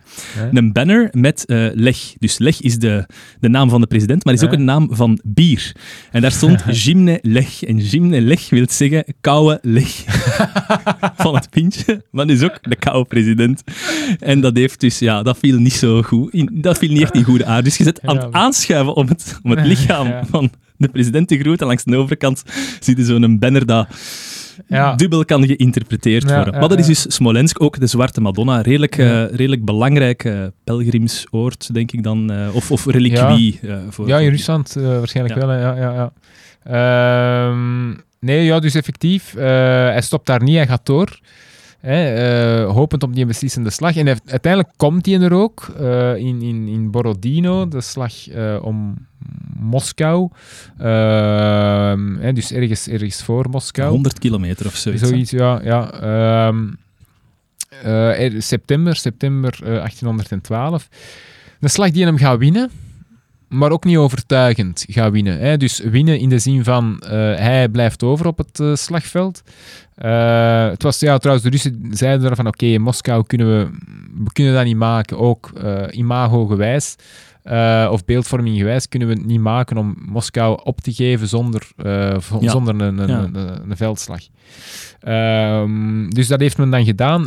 Uiteindelijk heeft men zich ook niet al te moe gemaakt, hè, want men is nog in, in redelijke orde kunnen vertrekken. Hè. Men heeft het slagveld geruimd, men heeft die slag verloren. Ehm, maar het Russische leger was niet kapot gemaakt. Eh, was nog altijd bestaande. Ook een deel omdat hem daar zeer conservatief was, Napoleon. Hij wou zijn eh, keizerlijke garde niet inzetten. Eh, in, die veldslag had hem dat wel gedaan, had hem waarschijnlijk veel meer schade toegebracht. Ehm, maar oké, dus wat hem dan zei, van oké, ik kan mijn keizerlijke ga- garde vandaag inzetten, maar met welk leger vecht ik morgen dan nog? Ik moet morgen ook nog iets achter de hand hebben. Alleen er was geen morgen, want de Russen waren weg. En Ja. heeft hem daar dus de kans verloren om, om daar een definitieve slag te leveren. Borodino trouwens, ehm, de, daar ja, viel eh, om de... Wat was het? Het was niet een al te groot slagveld en enorm veel mensen gestorven, enorm veel soldaten gestorven. Ik denk het equivalent van eh, een boeing, een grote boeing om de... eh, Tien minuten of ja, zoiets. oh ja, ik denk zelfs iets minder. eh, dat er uit de lucht viel, zo gezegd. Dus enorm veel mensen gestorven. 60 à 100.000 doden. Eh, ja, maar ja, Maar hoort dat cijfer, 60 à 100.000 doden. Hoe kun je er nu meer dan de helft naast zitten? ja, ja oké, dat is juist. Ja. Maar ja, er was ook veel desertie. Ja, op dit moment, dan nu beginnen uit. Ja, er was veel desertie. Hoeveel waren dat er in het begin? Ja, ik denk dat dat inderdaad niet, niet, niet zo makkelijk is om er een, een stempel op te plakken. Nu, ehm, er zijn na Borodino nooit meer zoveel slachtoffers of doden, gesneuvelden gevallen op één dag tot ehm, De zeker? de eerste slag bij de Somme. Ja, Ja. 1, juni 2000 eh, 1 juni 1916, denk ik. Eh, of in juli 1916. Maar dus, eh, om, om maar te, te, te duiden, eh, dat is twee jaar in de Eerste Wereldoorlog, hè, wat dan toch altijd als ergens qua slachtpartijen Ja, ja. al als het summum wordt beschouwd. Ja, voilà. Dus het heeft twee jaar geduurd voordat ze eigenlijk een dag hadden die zo bloedig was als Borodino Ja. In de Het- 1812. Het gruwelijke daarvan is, dus ze, ze moeten die, die, die slachtoffers daar achterlaten en ook vaak nog De gewonden. dood- ja, ja. En, en nadien, we gaan dat straks horen, uit, als ze hem terug moet komen uit Moskou, komen ze via datzelfde pad terug en er zijn Ja. nog mensen die dat leven. Ja, ja, dus ja, Ah. hij vertrekt dan ergens in oktober zeker. maand ja, Ja. of maand later. Eh, ja, of begin november ehm, eh, vertrekt hem dan. Ja, dus hij, hij komt dan in Moskou aan. Hè, maar Moskou is eigenlijk op dat moment een lege stad. Ik denk dat daar, ehm, ja, wat zijn de cijfers? Eén op de zoveel is er nog, maar, maar dat is geen leefbare stad meer. Hetzelfde, iedereen is daar weg. En Eh, normaal gezien zouden denken, we hebben de hoofdstad. Voilà, voilà, dus dat dacht hem Volgens ook. Age of Empires hebben dan gewonnen. ja, hè? voilà. En dat dacht hem inderdaad ook van, oké, ik heb gewonnen. Volgens de, de, conve- conventionele regels heb ik, ik gewonnen. Eh, en dus nu zal Alexander wel naar mij komen en gaan we onderhandelen en, en kan ik terug. Maar dus Alexander deed dat niet. Eh, en hij bleef wachten. Hij is weken blijven wachten. En daar, ja, oké, dat was natuurlijk zijn grote fout. Hij is te lang, te laat begonnen aan zijn terugtocht. Eh, hij heeft even met het idee gespeeld, eh, blijf ik hier? Blijf ik hier overwinteren? Maar ja, oké, dus hij is keizer van Frankrijk, die dan in Moskou Ja, zit. dus de Russen hebben hun stad in de fik gestoken. Voilà, hè, dus voor een heel groot deel ligt, ligt Moskou in de as. Eh, dus dat was, dat was niet leefbaar. Hij moest terug. Alexander komt niet, dus hij trekt, eh, hij trekt dan wacht, inderdaad de- terug. Eff- Even nog eens, ja. De, de Russen die hebben gewoon hun eigen hoofdstad. Was het Ja, een ja. hoofdstad? Of een van de twee hoofdsteden? Eh, ik weet niet ja, of dat voilà, het was. ja, een heilige stad op dat moment. Ik Ja. denk dat de hoofdstad Sint-Petersburg zou Gewoon in brand gestoken. Een houten Ja. stad tot dan toe. Ja. Eh, nee, effectief, ja, dus zo vastberaden, zo loco waren ze. Ja. Eh, maar oké, het heeft uiteindelijk dan wel geloond. Nee, en dan trekt hem terug. eh, en hij wil dat eigenlijk eh, richting zuiden doen. Eh, richting zuid, eh, zuidwesten. Ehm, dus niet, uiteraard niet de route die hem gevolgd heeft. eh, want die is kaal gevreten, die route. Eh, maar ehm, hij botst daar dan op het Russische leger heel snel eh, op zijn weg naar het zuiden. En eh, hij denkt, ja, ik kan, geen, ik kan geen slag leveren. Op dit moment, mijn leger is te zwak, ik kan geen slag leveren. Dus ik ga terug naar het noorden, ik ga de, de tocht doen die ik gekomen ben. Eh, had hem daar eh, scouts gestuurd, had hem gezien dat eigenlijk Ja. het Russische leger aan het terugtrekken was. Dus hij had wel perfect via het zuiden kunnen gaan. Maar hij doet dus, en dat is eh, wat Andrew Roberts bijvoorbeeld zegt, is, goh ja, hè, 1812, is dat de grote fout geweest van Napoleon? Dat viel wel nog mee. Hij had er waarschijnlijk nog kunnen terugkomen met, met, met een kleine 200.000 man. Dan had hem zijn troon wel gered. Eh, maar het is die beslissing, niet via het zuiden te gaan, maar via het noorden. Allee, de route die hem, Die volledig Die kaalgevreten die lijn. kaalgevreten was. terugkomen. dat heeft hem eh, uiteindelijk eh, er gekost dat hem ja, maar met een 50.000 man is teruggekomen en dat eigenlijk het gedaan was. Dat Ja, gedaan was Want toen. de winter treedt dan in. De winter treedt dan in, ja, en blijkbaar, dus het heeft heel lang geduurd voordat hem begon. Maar eens dat hem dan begon, was Ja. het ja, eh, temperaturen min 20. Hè, en Min zo. 40 zelfs. Eh, ja, of s'nachts, ja, eh, dat men, dat men ja, in, in paarden kroop en zo. Hè. Allee, dan, ehm, eh, om, Dode het warm- paarden. Dode, pa dode paarden kroop, om het warm te krijgen. Dus, Bear Grylls gewijs. Bear Grylls toen gewijs, ja, ja. Of dingen, hè, Leonardo DiCaprio, die kruipt dan toch in een beer? Of is, dat, dat in een paard? In zijn uh, The Revenant. Caprio, sorry. Ik was over Da Vinci aan het denken. Da Vinci in een beer knopen? Tja. ja, terwijl dat een de Mona Lisa aan het schilderen was. Ik wil eens iets nieuws.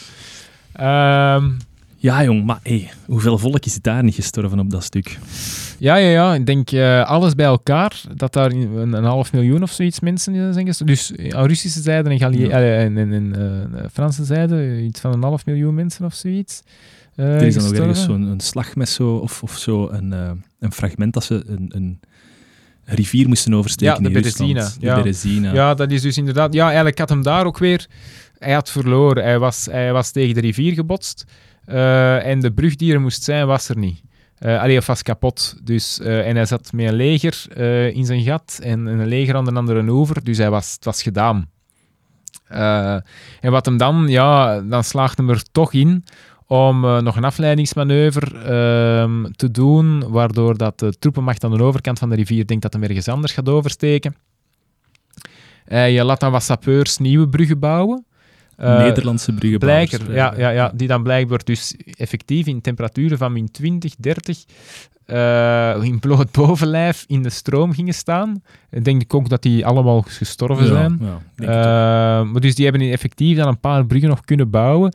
En dan is er nog een heel deel, allee, waaronder hij ook, en, en een heel deel van zijn leger is dan toch nog kunnen ontsnappen, wat er van overbleef. Dus dat is inderdaad een van die heldenverhalen. Eh, dat dan wel, dat dan wel, maar oké, uiteindelijk... eh, Ja, ik moest zeggen, dat waren zo de laatste pagina's van het boek van, van Bart van Loo, de laatste honderd. En chance dat er maar honderd waren, want daar word je echt niet gelukkig van als je dat aan het lezen bent. Dat is anekdote Nee, na toen, anekdote. toen die mensen ook niet. Nee. Ja, nee. Ja. ik, heb geen recht, ik heb geen reden van klagen, uiteraard. Eh, nee, nee, ja, effectief. Eh, ja, en dat is dan, oké, de, ehm, de hond of de beer is verwond hè, op dat moment. Op een Eh, bepaald en moment denkt hem... ehm, we moeten hier voorzichtig zijn, want dat is zoiets gelijk als in de ruimte reizen met, met de lichtsnelheid. Als je ergens naartoe gaat, eh, de mensen thuis weten pas van je nieuws als jij ook terug bent. Ja. Dus dat is hetzelfde zo met Napoleon. Ehm, het, het nieuws gaat het thuisfront pas Nee, bereiken als hij er is. Dus hij denkt, als ik hier nu thuis kom met zo'n half verlapt... le- Allee, half verlapt, een, een tiende van mijn leger, Ja, ja, dan hang ik er. Dus hij komt in snel tempo terug naar huis om moment, te doen, om zijn orde te herstellen Ja. en om zich voor Business te as bereiden. usual. ja, business as usual. En om zich voor te bereiden op de enorme schok die dat er gaat komen als er daar maar één tiende van dat leger terug naar huis komt. Ja. Om- Ja, blijkbaar. ehm, hij, ehm, hij had een bulletin, hè? Een bulletin eh, de, de La Grande Armée. Mhm. Ehm, dus waar dat hem dan het thuisfront mee op de hoogte hield van, van de exploten. Eh, en dat was natuurlijk altijd opgeblazen tot en met. Hè? eh, heroïsche verhalen. En eh, toen dat er dan ergens in een bulletin verscheen van ah ja, het Grand Armee heeft het toch moeilijk gehad, of zoiets, dat was... Ja, op, wij zouden er, ja, heeft het moeilijk gehad, ja, ja oké. Allee, Jullie konings heeft het ook Ja. moeilijk gehad. dat, kan, dat kan van alles betekenen. Sorry. Maar het was blijkbaar heel duidelijk dat het, dat het een ramp was. Ja. Eh, dus, dus men wist zo goed van die bulletin ja, dat dat eh, verbloemd was. Dat is blijkbaar nog altijd een spreekwoord in, eh, in, in Frankrijk. Eh mentir comme un bulletin, blijkbaar. Ah, ja. ja, ja, ja, ja. Liegen als een bulletin. Ehm, dat wordt nog altijd gebruikt. Nee, ja, effectief. Hij, hij verlaat dan op een bepaald moment het leger met uh, Colincourt, de, de, de ambassadeur Ja. in, ehm, in, in Rusland. En met Eh, hun, gev- met hun gevierend of gevijvend kunnen die tegen snel tempo ja, voilà, dat is eerst met een slee en dan met een koets ehm, eh, naar Frankrijk. Ehm, ja, ja, effectief. Dan komt hem daar in het najaar van eh, 1812, eh, dus in, in een van de laatste dagen van 1812, komt hem daar terug aan om zijn leger te reorganiseren voor de, de, de campagne die er, die er zou komen. Hè. Dus, hè, de, de, En weet het, dat de grootmachten, dat gaan Ja, ja. zien en die gaan hun kansen Ja, rieken. ja. en toeslaan. ja, en hij wil dan ook geen toe, want oké, ik denk ehm, dat op dat moment er wel wat ehm, aanboden worden gedaan, allee, of wat, eh, wat voorstellen worden gedaan ehm, van oké, hè, geef dit en dit en dit af en, en je moogt kei- dan, dan had hem keizer kunnen blijven van waarschijnlijk wat hij in 1804 al had of zo, maar dus dat wil hem allemaal niet. Hè. Hij zegt, of dan is altijd de perceptie, nee, ik wil, ik wil onderhandelen van, uit een sterke positie, dus nog, ik moet eens een ke- nog eens een keer winnen. Ik moet nog eens een keer winnen. En dus ja, dan, dan begint het Maar het lukt hem toch, hè? de, de- ja, dan, dan dus in 1813 begint dan de campagne voor Duitsland. Hè. 1812 was die voor Rusland, 1813 eh, voor Duitsland, 1814 zal die voor Frankrijk De worden. verdedigende campagnes, wil Ja, je dan eh, zeggen. maar dus 1813 inderdaad in eh, Oost-Duitsland, ehm eh, Saxen, Ah, ja, ja. wordt, daar de, de, de- wordt daar uitgevochten. En dus effectief, ja, die eerste veldslagen, die wint hem dan wel. eh Boutsen, Lutzen. Ehm, maar ja, eh, op dat moment, iedereen heeft hem de oorlog verklaard. Hè. Ja. Zweden, Oostenrijk, op eh, een bepaald moment dan terug Pruisen. Rusland. En hij heeft, ehm, hij heeft nog wel wat troepen, maar het zijn heel jonge troepen. Ah, wel, dat, dat vraag ik mij af. Hij heeft dan bij die La Grande Armée Ja. heeft hem 600.000 man ehm, kunnen optrommelen. Allee, optrommelen, ja, met loting, hè. de loteling van, Ja, ja, van ja. Hendrik die zijn dan bijna allemaal gestorven en de mensen dat overblijven zijn er meer in staat om te vechten. Dus dan moet er opnieuw een leger komen van een 150 à 200.000 man. Ja, van waar blijven die dan nog allemaal komen? Het, het, ja, ik denk dat die, die eh, leeftijdsvoorschriften ook altijd verlaagd worden. ja. Dus dat dat een leger wel een stuk van broekjes is.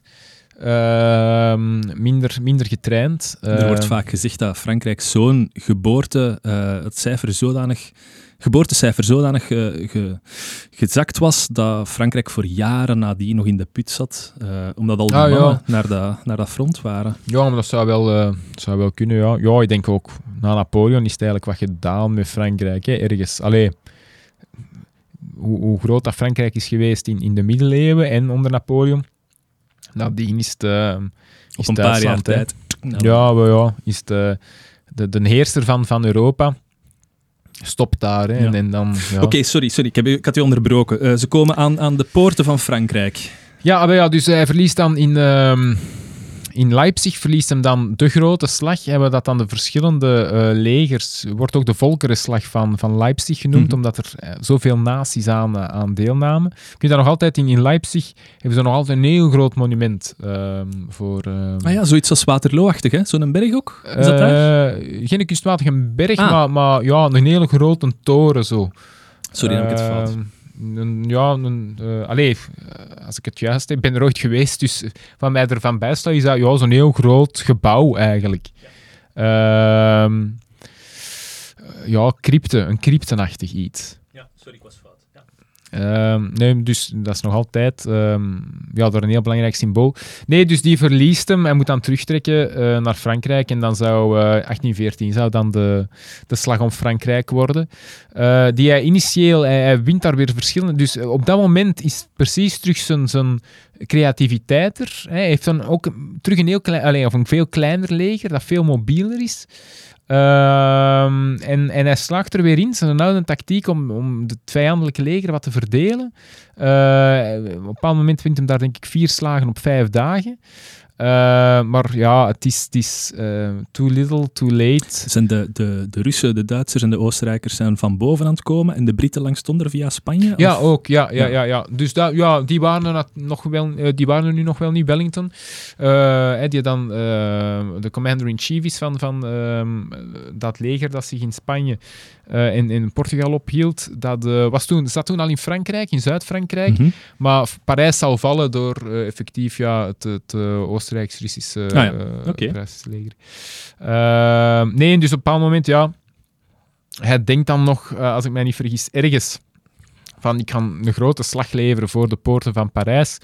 Ehm, en dan het volk zal meekomen en alleen dan, dan drijven ze wel terug, et cetera. Ja, maar hoe moet Parijs daar, daarvan gezegd hebben? De, allee, het parlement moet toch beu. hebben van... Ja, ja. ja, die waren het beu. Hebben die Eh, niet zijn, zijn troonsafstand onderhandeld met... eh, Ja, wel, ja, het is dat, ja, hij komt dan te laat. Hij komt dan te laat in Parijs, want het is al, ze zijn al gecapituleerd.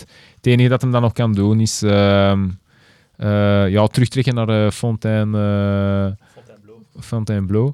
Ehm, en daar ja, krijgt hem dan ehm, te horen wat, hem, eh, wat er van hem verwacht wordt. Hè, dat hij moet aftreden en eh, eh, dat hij nog Elba, Elba krijgt. Elba is een eilandje in de oksel van Frankrijk en Italië. Ja, het is een klein klopt. eilandje. Ja. 224 vierkante kilometer. Quizvraag. Hoeveel keer kleiner dan de provincie Antwerpen? Daarmee weet al dat het kleiner is dan de provincie Antwerpen. Maar hoeveel Ja. kleiner? Oh, maar is, Antwerpen zo groot? Eh, ja, die Kempen zijn natuurlijk wel groot. Eh, ik zou zeggen... Vier. Tien keer kleiner. Oei, amai. is zes keer groter dan de gemeente Kortenberg.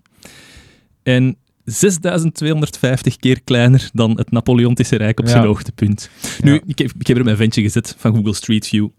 Langs, allez, bij wijze van spreken, op elk punt op dat eiland kun je de zee zien. Dus zo overdreven groot zou het nu niet geweest zijn. Hij mocht Nee, nee, daar nee. keizer spelen Ja, en heeft daar ook redelijk hard zijn keizerlijke taken volbracht. ja. Wegen aanleggen, Ja, ja, wel, ja, dat is industrialisering. terug zo, ja.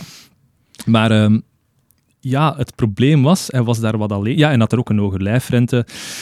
Franse soldaten als lijfwacht. Maar ja. hij, hij was... Hij, was, hij had Goh. verloren op, op zijn laagtepunt. Hij zat niet op zijn hoogtepunt Ja, ja. op dat moment. En hij dacht, er zit hier nog iets in. Er zit hier... Er zit Ja. nog een toekomst in. Niet? Ja, goh, dat is dus de vraag. Hè. Wat motiveert hem op dat moment? Want hij keert terug. Hè? Dat, dat is, ja, ja, dat is de ja. toekomst. Dus je hebt mensen die zeggen ehm, dat hem er eigenlijk wel content was. Dat dat eigenlijk voor hem wel goed was gedaan. Ehm, zijn ambitie, dat dat niet meer zo sterk was. Eh, alleen, ja, werd hem wel enerzijds gepest, in die zin dat zijn vrouw en kinderen niet mochten komen. Dus in die zin werd hem dan, eh, werd hem dan gepest. En eh, parallel is er het congres van Wenen, hè, waar dat dan zal beslist worden over de nieuwe structuur van Europa en hoe dat, dat allemaal in elkaar zal zitten. En er is daar sprake van, ja, Napoleon in Elba is te gevaarlijk. Dus zouden we hem niet verbannen naar Sint-Helena. Dus dat is ehm, eh, het, eh, de ene lezing dat hij eigenlijk gedwongen werd om nog eens. Dat hij eigenlijk met zijn rug tegen de muur werd geduwd van ja, oké, we gaan nu toch naar Sint-Helena sturen. Dus dat hem dan, ja, eh, de enige uitweg die hij nog had, was recht vooruit en proberen die Franse troon terug te pakken te krijgen. De andere uitleg is inderdaad dat er ook wel een stuk ambitie nog, nog in zat. Ehm, eh, en dat hem eh, effectief niet content was met, met, eh, met Elba. Ja. Op dat moment. Dus ja, dat is heel moeilijk om in te schatten. Maar wat zat er nu, wat zat er nu achter? Het zal wat van beide zijn, waarschijnlijk. Intussen tijd zit er terug iemand op de troon in Frankrijk. Louis Ja. XVIII, de broer van de onthoofde Louis XVI. Ja. Ehm, en het volk ziet voornamelijk ja, die een terugkeer naar de oude. Hè, de, ancien- de, de revolutie is, is gedaan. Ja. Het is alsof er niks gebeurd is. De waarden van de revolutie zijn verloren. Of zo lijkt het althans toch. Napoleon wil op een of andere manier terugkeren. Kan eigenlijk niet, mag ook niet terugkeren. Wordt daar Ja. bewaakt door een aantal oorlogsschepen. Maar ehm, blijkbaar had die luitenant, luitenant, die een Britse luitenant, had hij Ja. een liefje op het Italiaanse vasteland en moest hij af en toe over en weer gaan. En zag Napoleon toen zijn kans om met duizend man en vier kanonnen toch nog te landen in Frankrijk. Nu, wat denkt hij met... Het is weer de liefde hè, die het geflikt heeft voor die commandant. eh, ja, ja, ja, ja, inderdaad. Of de lust, alleen. Die landt daar met duizend man en vier kanonnen in Frankrijk. Het congres van Wenen krijgt te horen, is die gast nu weer ja. terug? Ja. En die denken, ja, zeg, Louis XVIII, je kunt dat toch wel. Je hebt een professioneel leger tegenover daar ene, ene Corsicaan Ja, met, vier kanonnen. Dat zal toch Ja. wel lukken, zeker. Het enige probleem is, ja, die, Lodewijk die stuurt zijn legers daarop af. En die eh, soldaten komen daartoe en die zien l'empereur, die zien Voilà. hun held van vroeger. Hè? De, Ja, de. De geschopte hond. En die denken, ja... eh, En Napoleon komt dan bij wijze van spreken naar voren en hij zegt schiet, schiet, hè, of sluit u bij Ja, mij maar aan. ja, ja dat, dat, dat zou hem gedaan hebben, Ja. effectief. Ja. Oh, dat waarschijnlijk niet, hè.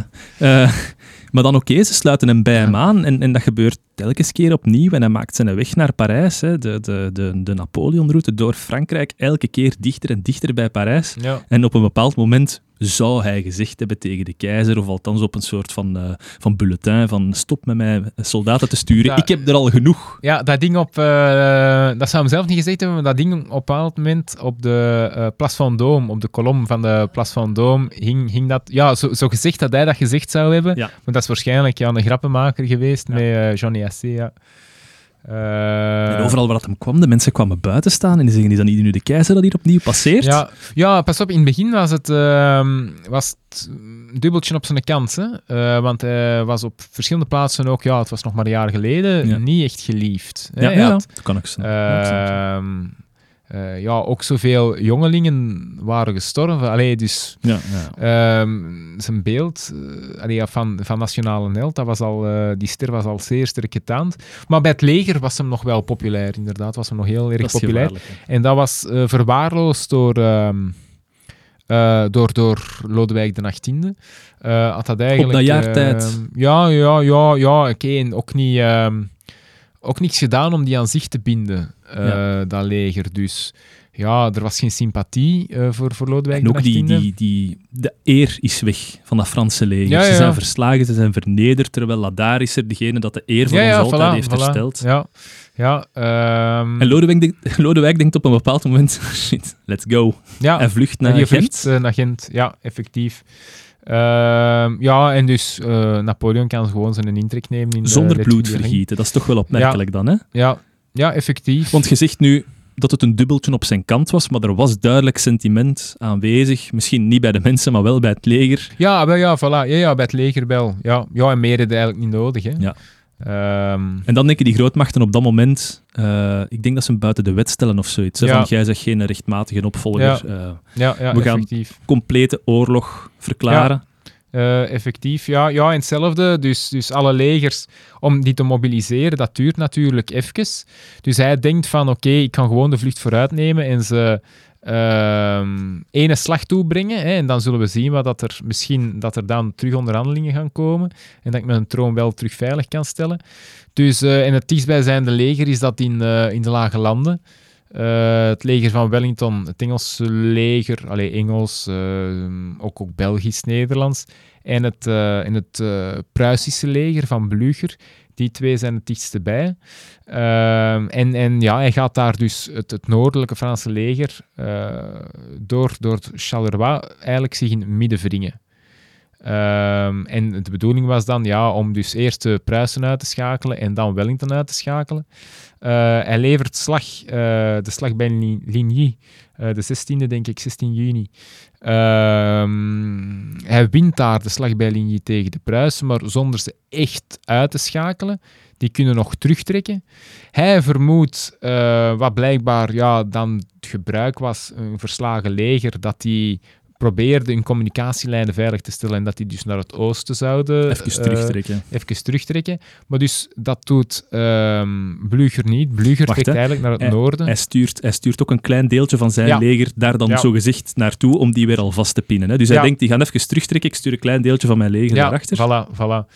Eh, en dus dat, dat klein deeltje, dat trekt, hè, gelooft, oké, het Pruisische leger is naar het oosten aan het trekken, trekt ook naar het oosten, maar eigenlijk wat Blücher deed, eh, en dat zou dan door Wellington later de Decision of the Century worden genoemd, Mhm. hij trekt naar het noorden, naar waar dat de slag zal geleverd worden tegen Wellington, op de 18e eh, juni, 18 juni ehm 1815.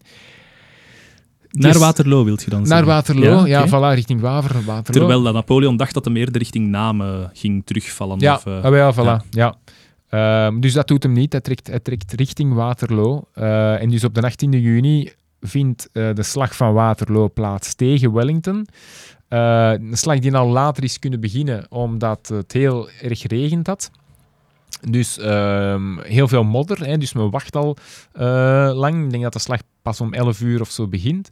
Ehm, en eh, ja, dat is te, te laat. Dus op een bepaald moment heeft eh, Napoleon wel de bovenhand, maar ja, de, de Pruisen arriveren en Ja. dat is wat niet mocht gebeuren. Er zit, er zit zo'n goed verhaal in. En ik dacht, ah, dat is zo romantisch uitgeschreven in een boek van Bart van Loon. Maar dan lees je dat ook terug bij Johan Op de Beek. Dat dus Hmm. dat klein legerke dat was afgesplitst. Ja. Die hadden dus de bedoeling om dat Pruisisch ander Ja. leger op te zoeken. En ze zitten daar ergens op een aardbeienboerderij of Ja, zoiets in de buurt van Namen. En ze zijn naar aardbeien aan het fretten. En dan zegt de ene zo van, oh, die is in de verte. Hoorde jij dat nu ook niet? Zijn dat geen kanonnen? Ja. Nee, je zult dat wel fout horen. En dan iedereen, ja, dat zijn kanonnen. Kom, we moeten, we moeten er naartoe, de slag is begonnen. En dan zegt je, nee, we moeten hier blijven. hè. We hebben het bevel gekregen om achter die Blücher te gaan van de Pruisen. Ja. En die zal zich hier waarschijnlijk nog ergens bevinden. Nu, drie uur later stond hij daar op dat slagveld. Ja, was dan gedaan voor Napoleon. Want Napoleon dacht even dat de troepen dat hem in de verte zag afkomen, dat dat, zijn Frans legertje was. Hè? Ja, ja, ja, effectief. Maar dat was dan inderdaad het leger van de vijand. Ja, ja, en dat wordt dan vaak eh, ten kwade geduid aan Grouchy, die maarschalk, hè, die dan effectief bevel had over dat klein legertje. Ehm, ja, oké, heeft er ja, een, een, een- de, verkeerde, de verkeerde keuze gemaakt, die Grouchy. Anderzijds was hem nog niet lang maarschalk, dus ehm, ja, waarschijnlijk wilde hem niet ingaan. Het waren de orders hè, van Napoleon. Hij volgde Ja, ja. uiteindelijk gewoon de orders. Ehm, dus ja, oké. Ja. Ja. wel, dat is een van die, inderdaad, een van die beslissingen in een lange keten van, van dingen die dan fout gaan. Ja, maar Ehm, heeft, die, heeft die persoon ook op aan het hoofd ervan gesteld. Hè. Dus Ja, ja. wie zijn fout is het dan Ja. uiteindelijk. Napoleon krijgt op zijn doos. Hij heeft Ja. nog het idee dat hij kan emigreren naar, ehm, wat is het, de Verenigde Staten, denk ik. Ja. Ehm, maar ja, dat wil hem eerst. de, haven, de Franse haven van Rochefort is in handen van de Britten. En die zeggen, Ja. nee, Sint-Helena, zoals we altijd gepland Ja, dus hij wil eerst naar Amerika, maar daar gaat hem niet geraken. Eh, omdat hem... eh, eh, ja, oké, alles al het scheepverkeer wordt gecontroleerd. Hè. Ze zijn uiteindelijk naar hem op zoek, naar Napoleon. Dan wordt er het voorstel gedaan om ehm, in, in een viston te kruipen. In een ton. Eh, en, en dan, daar zegt hem op van... eh, ja, nee, ik ben hier wel de keizer, mannetjes. Allee, hè, dat, eh, dat gaan we nu niet doen. Dus hij geeft zich dan over aan de Engelsen, denkende of hopende dat hij eh, daar in ballingschap gaat mogen op, op een of andere Schotse château of Schots landgoed. Wat dat wel vaker werd gedaan, blijkbaar, in die ja, tijd. en blijkbaar dus als je op Engelse bodem kwam, moest je, moest je geen asiel krijgen, maar moest er minstens beslist worden. Ah, ja. Eh, moest, moest, eh, moest de kans krijgen om, om, om een beslissing af te dwingen of zoiets. Maar dus wat ze doen, is ze laten hem nooit op de Engelse bodem komen. Ehm hij dobbert daar dan een paar weken, denk ik, voor Engeland uit op een boot. Om, eh, voor, wanneer dat ze dan, eh, allee, of op hetzelfde moment beslissen dan wat gaan ze daarmee doen. En effectief, ja, dan is de beslissing, we voeren Ja. hem af naar eh, ja, een kolonie, een rots in, eh, in, eh, in Een Engelse kolonie, inderdaad. Ja. Ehm, ja, 122 vierkante kilometer, de helft van Elba. 500 soldaten van de Britten houden daar de wacht. Vijf oorlogsschepen Ja. Ja, hij gaat er liggen rond dat eiland. En hij, hij schrijft daar zijn leven neer. Hij doet zo wat aan imago-building, want hij weet toch dat de Engelsen op dit moment alles in het werk zullen stellen om van hem ehm, Ja. de volgende, eh, de, de, de eerste Hitler of, of, Ja, ja. Of Stalin te maken. Hij sterft daaraan een maagkanker en dus niet aan een vergiftiging, alhoewel dat er blijkbaar arsen in zijn lichaam werd gevonden. Maar dat zou te verklaren zijn doordat hij maagklachten heeft en dat destijds arsen werd voorgeschreven ter behandeling van maagklachten. Ja, ik heb er al honderd verhalen over maar, ja, gehoord. maar dat maakt ook niet uit. Nee. Ehm, en hij ligt dus ehm, ja, in, de, in een doom des Invalides. hè. Ehm, Ah, wel, eh, ja, eh, ik heb er ooit iets van gehoord. ik ben... Oeh, is dat er nog niet geweest? Ik ben er al wel geweest. oké. ja. Eh, misschien, voordat ik de Dom des Invalides, wat hij daarin slaat in, in Sint-Helena is inderdaad wel... ehm, uiteindelijk, hij, hij wint alles, maar hij verliest ook alles. Hè? Dus eigenlijk kun je zeggen, dat, ja, je zegt geflopt. Hè? Allee, totale afgang, totale afgang, want je laat Frankrijk slechter, af, slechter achter dan, dan het ervoor was. Maar hij slaagt erin in Sint-Helena tijdens de oorlog voor de eeuwigheid wel te winnen. Ja, ja, ja. Eh, en dat is ook wat hij zelf zei. En, en, en daar had hem wel, dus denk ik, een briljante, briljante kennis ook van de mens. Dat hij zegt, ja, ik, eh, hey, ik had ooit de, de, eh, de keizerskroon. Eh, ik, ik heb ooit de, de, de ijzeren kroon van Italië gehad. Hij is dan koning van Italië geweest. Maar ik heb nu van de Britten eigenlijk de, de grootste kroon of de sterkste kroon gekregen die je maar kunt krijgen. En dat is de doornenkroon. Door hier te zijn, ga ik als martelaar overkomen. Eh, iets wat hem ook propageert. Eh, eh, hij cultiveert dat, dat, dat beeld ook heel erg. Eh, maar dat maakt effectief dat hem de slag om de eeuwigheid, en dat wordt dan altijd gezegd, hij, hij verliest, ehm, hij verliest Europa, of hij verliest Frankrijk, maar hij wint wel de slag om, Ja, ehm, om de eeuwigheid. We hebben nu ook niet echt over zijn, zijn andere merites gesproken. Hè. Hij centraliseert heel Frankrijk. Hij Ja, voert een eengemaakt rechtssysteem in, want je moet op dat moment nog weten, sommige delen van Frankrijk zitten met gewoonterecht, andere delen met Duits recht, andere delen met Romaans recht. Allee, dat is een mix van rechtssystemen die dat voor zo'n moderne staat niet voldoen. Hij werkt ook aan ruimtelijke planning, eh, ruimtelijke ordening. Dus hij is met, met van alles is bezig, van alle moderniseringen. Ja. En dan vraag ik mij af, is dat dan de reden waarom dat wij... Hè, ik ga het aan u vragen. Hè, het, het, het, als, soms wordt er gezegd, je hebt het rijtje ehm, Stalin, Napoleon en eh, Adolf Hitler. ja. Is dat een correct rijtje volgens u? Nee, nee, nee, dat is... Dat is... En waarom, waarom, dan, waarom dan niet? Ja, omdat Napoleon... ehm, Hij heeft miljoenen op zijn geweten. Oh ja, oké, dat is de vraag natuurlijk. Hè. Wat, is, wat is definiëren op uw geweten hebben? Ehm, het, het- ja, hij heeft nooit een genocide gepleegd. Hè. Eh, nooit een zuivering gepleegd. Eh alleen buiten... Had ik, had ik u in het eerste deel niet horen praten over Nee, de nee, dat was hij niet. Hè. Dat was hij niet. Ah, Nee, nee, dat was de revolutionaire Ja, ja, strijd. ja, ja. Ehm, nee, nee, dus, dus hij heeft nooit een zuivering of genocide gepleegd. Eh, hij, heeft, heeft oorlogen gevoerd. Oorlogen die overigens eh, niet dodelijker waren dan de oorlogen die eh, voor, voor hem zijn gevoerd. In de zin van in de revolutionaire campagnes hè, van 1792. Neem tot 1799. Hè. Hij, hij is al een onderdeel al van de revolutionaire legers, maar hij voert die niet aan. Hij is niet het, hoofd, het staatshoofd op dat moment. Dus de, de, de campagnes die dan gevoerd worden, zijn zelfs ehm, relatief gezien iets dodelijker geweest dan eh, de campagnes die erna komen, die dus wel de echte Napoleontische campagnes zijn geweest. Dus hij is daar, ehm, ja, ik denk daar echt gewoon het kind van zijn tijd, ehm, waar dat buitenlandse politiek op een bepaald moment heel logisch voortvloeit in, in oorlog.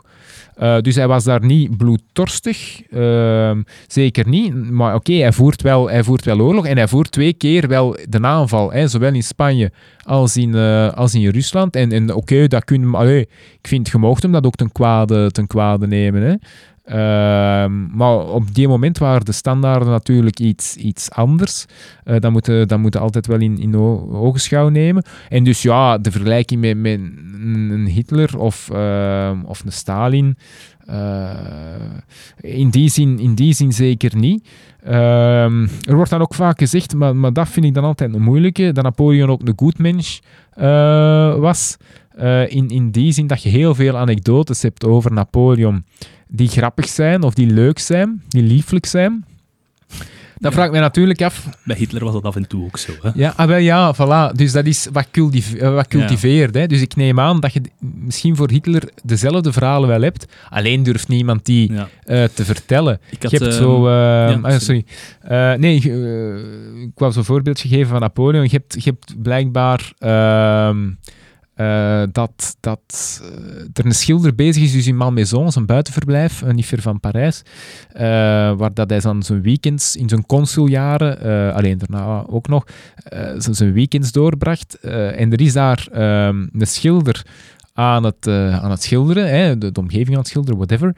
En Napoleon passeert hem en hij ziet iets op de grond en hij bukt zich, een bloemetje of, of, of iets in die zin. En, en die schilder, die ziet Napoleon bukken en die kan zich dus niet inhouden om haasje over te doen. Maar bij Napoleon. En dus hij kon er blijkbaar mee lachen, eh, eh, heel hard mee lachen. voor een, we- als dat hier op straat gebeurt, dan sla je het toch gewoon niet. Dat kan toch niet dat dat gebeurt? Dat geloof ik dus echt niet, van die verhalen. Ja, ja je hebt zo, en je hebt er nog ze. Je hebt, ehm, eh, zijn amoureuze leven was, was ook kolderesk bij, eh, blijkbaar bij momenten. Als hem dan ruzie had met Josephine, wat al is gebeurd, en omdat hem dan ook eh, soms een scheve schaats reed, dan, eh, en als hem daar dan onder zijn voeten van kreeg, eh, voor kreeg van, van Josephine, dan ging hem bloemen uit, haar bloemen uittrekken in de nof en ging hem op haar zwanen schieten. Dus dat is ook zoiets. Zit jij Ja. nu een goed mens aan het, aan het bespreken? Nee, nee, ja, oké. maar of, ja, je hebt zo verhalen dat hem, als, als een knecht ziek is, ehm constant denk ik dat hem dan twee dagen aan, aan, aan dat graf zit. Eh, sorry, niet aan het graf, aan het bed zit. Aan het bed zit. Ja. Ehm, dus, dus... ehm, Ja, sorry hoor, maar dat zijn... Ik, Nee, nee, ik, maar ik, hoor, maar ik hoor die anekdotes vaak terugkomen, maar dan denk ik, ja, maar Napoleon, gelijk als elke mens, is ook een mens, hè? ja, ja. en heeft ook daar- ja. Allee, ik, ik begrijp niet wat dat dit toebrengt aan zijn imago of afneemt van zijn imago. Dit is iets wat dat iedereen van ons in zich heeft. Quirky kantjes die er af en toe naar boven komen. Ik vind dat we daarop niemand mogen beoordelen wat betreft Nee, de ah, wel, persoon die dat hij Maar was. daar geef, ik u, daar geef ik u 100% gelijk in, ja. Ja, ja ah, wel, dus daarom ja, eh, vind ik dat een hele moeilijk... Dat is het argument dat je heel vaak... En zelfs Samoyski haalt dat argument aan, hè. Eh, bijvoorbeeld van die schilder als een, een- toch een plusje. Hè? Een, een argument plus van, oké, het, was, het, was, het was eigenlijk wel een aangename mens.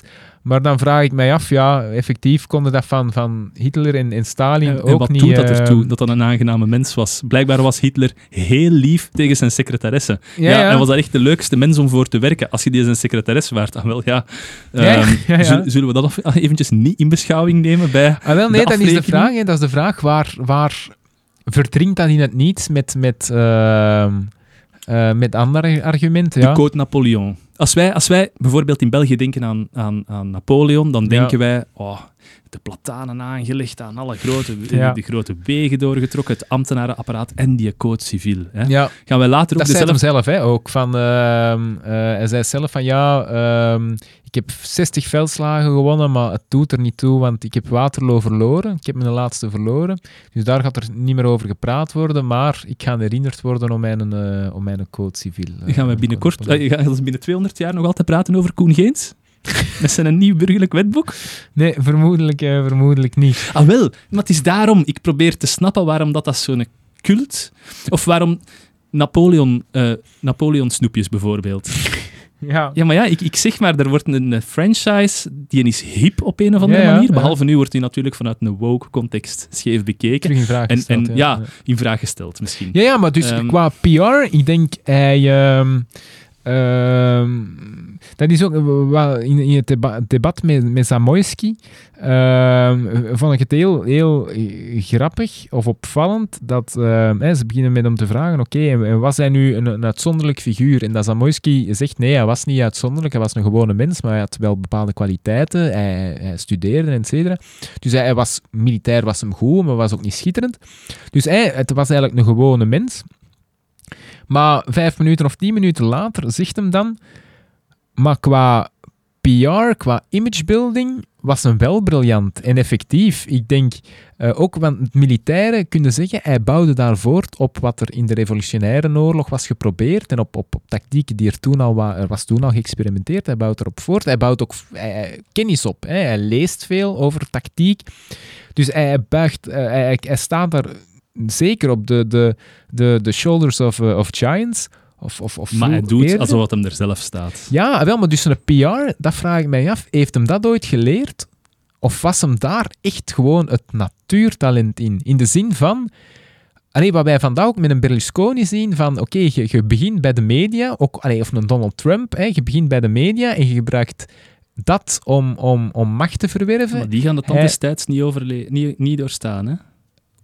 Ah, nee, nee, ja, oké. eh, dat is... eh, eh, nee, waarschijnlijk... Allee, dat, ja, dat is een andere discussie, maar ik bedoel gewoon dat aangrijpen om, om Ja, op dit ja. moment aan de macht te komen. Mhm. Hij doet dat ook, hè, met zijn bulletin of zijn eh, courrier uit de l'armée.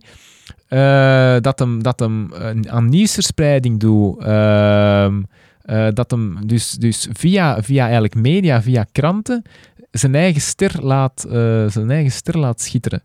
Ehm, dus, dus hij, is daar, hij is daar een meester in. Hè? Ook, ook, eh, dus het aanspreken van soldaten en, en ehm, die, die een band die hem eigenlijk dan creëert. En ik vraag me dan altijd af, in hoeverre is dat gekunsteld en, en, en weet hem dat dat gewoon heel populair is? Tuurlijk. Ah, wel ja, maar dus dat is wel, wel in, op die moment, en, en daarom zeg ik weer, hè, misschien de eerste moderne leider, die dat ook echt wel uitbuit. Ehm, daarvoor, oké, koningen en, en hadden dat natuurlijk ook niet nodig.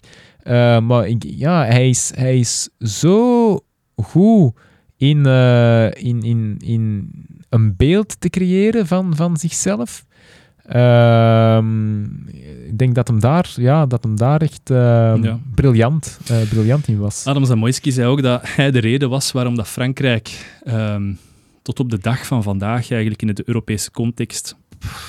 op de achtergrond staat. Hè. Het is Duitsland nog altijd dat het voor te Ja, zeggen ja, ja. heeft. En dat is mede door die oorlogen, zegt hij. ja, Ehm, maar dat denk ik wel. Ja, effectief, je zou kunnen zeggen. ehm, het lijkt erop op een bepaald moment.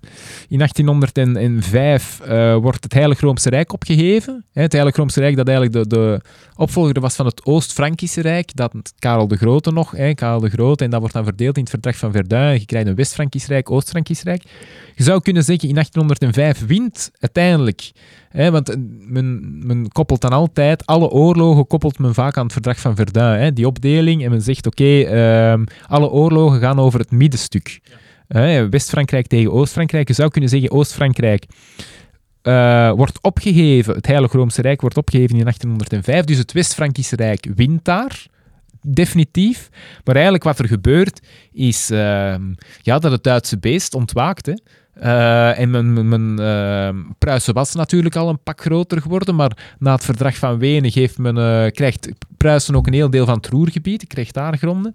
Zou voor de oorlogsmachine, eh, ja, ook, ook dat dat durf ik nu niet zeggen. Ah, oké, sorry. Het zou kunnen hoor, het zou kunnen. Ah, wel, maar alleszins een heel deel gebieden aan de Rijn, die dus voor de ook economie heel belangrijk zijn, oorlogseconomie ook belangrijk zijn. En het is daar dat, de, dat het project Pruisen en Duitsland ehm, ja, snelheid gaan nemen. Hè. En dus, eh, we spreken 1815 en in 1870 eh, ja, is de, de Frans-Duitse oorlog, was, was Duitsland eh, heer, en, eh, heer en meester. Hè. altijd, hè. En, en ja, inderdaad, ja, dat zouden kunnen, zouden kunnen zeggen. Ehm, Johan Op de Beek stelt zichzelf de vraag, en beantwoordt die ook, of Napoleon zo een, eh, een oorlogsmisdadiger was. En hij zegt, ja, maar we hebben recenter andere voorbeelden. Het bombardement van Dresden. Dresden volledig Ja. in, in as gelegd. Ja, Ehm, ja, twee atoombommen op Japanse steden. ja.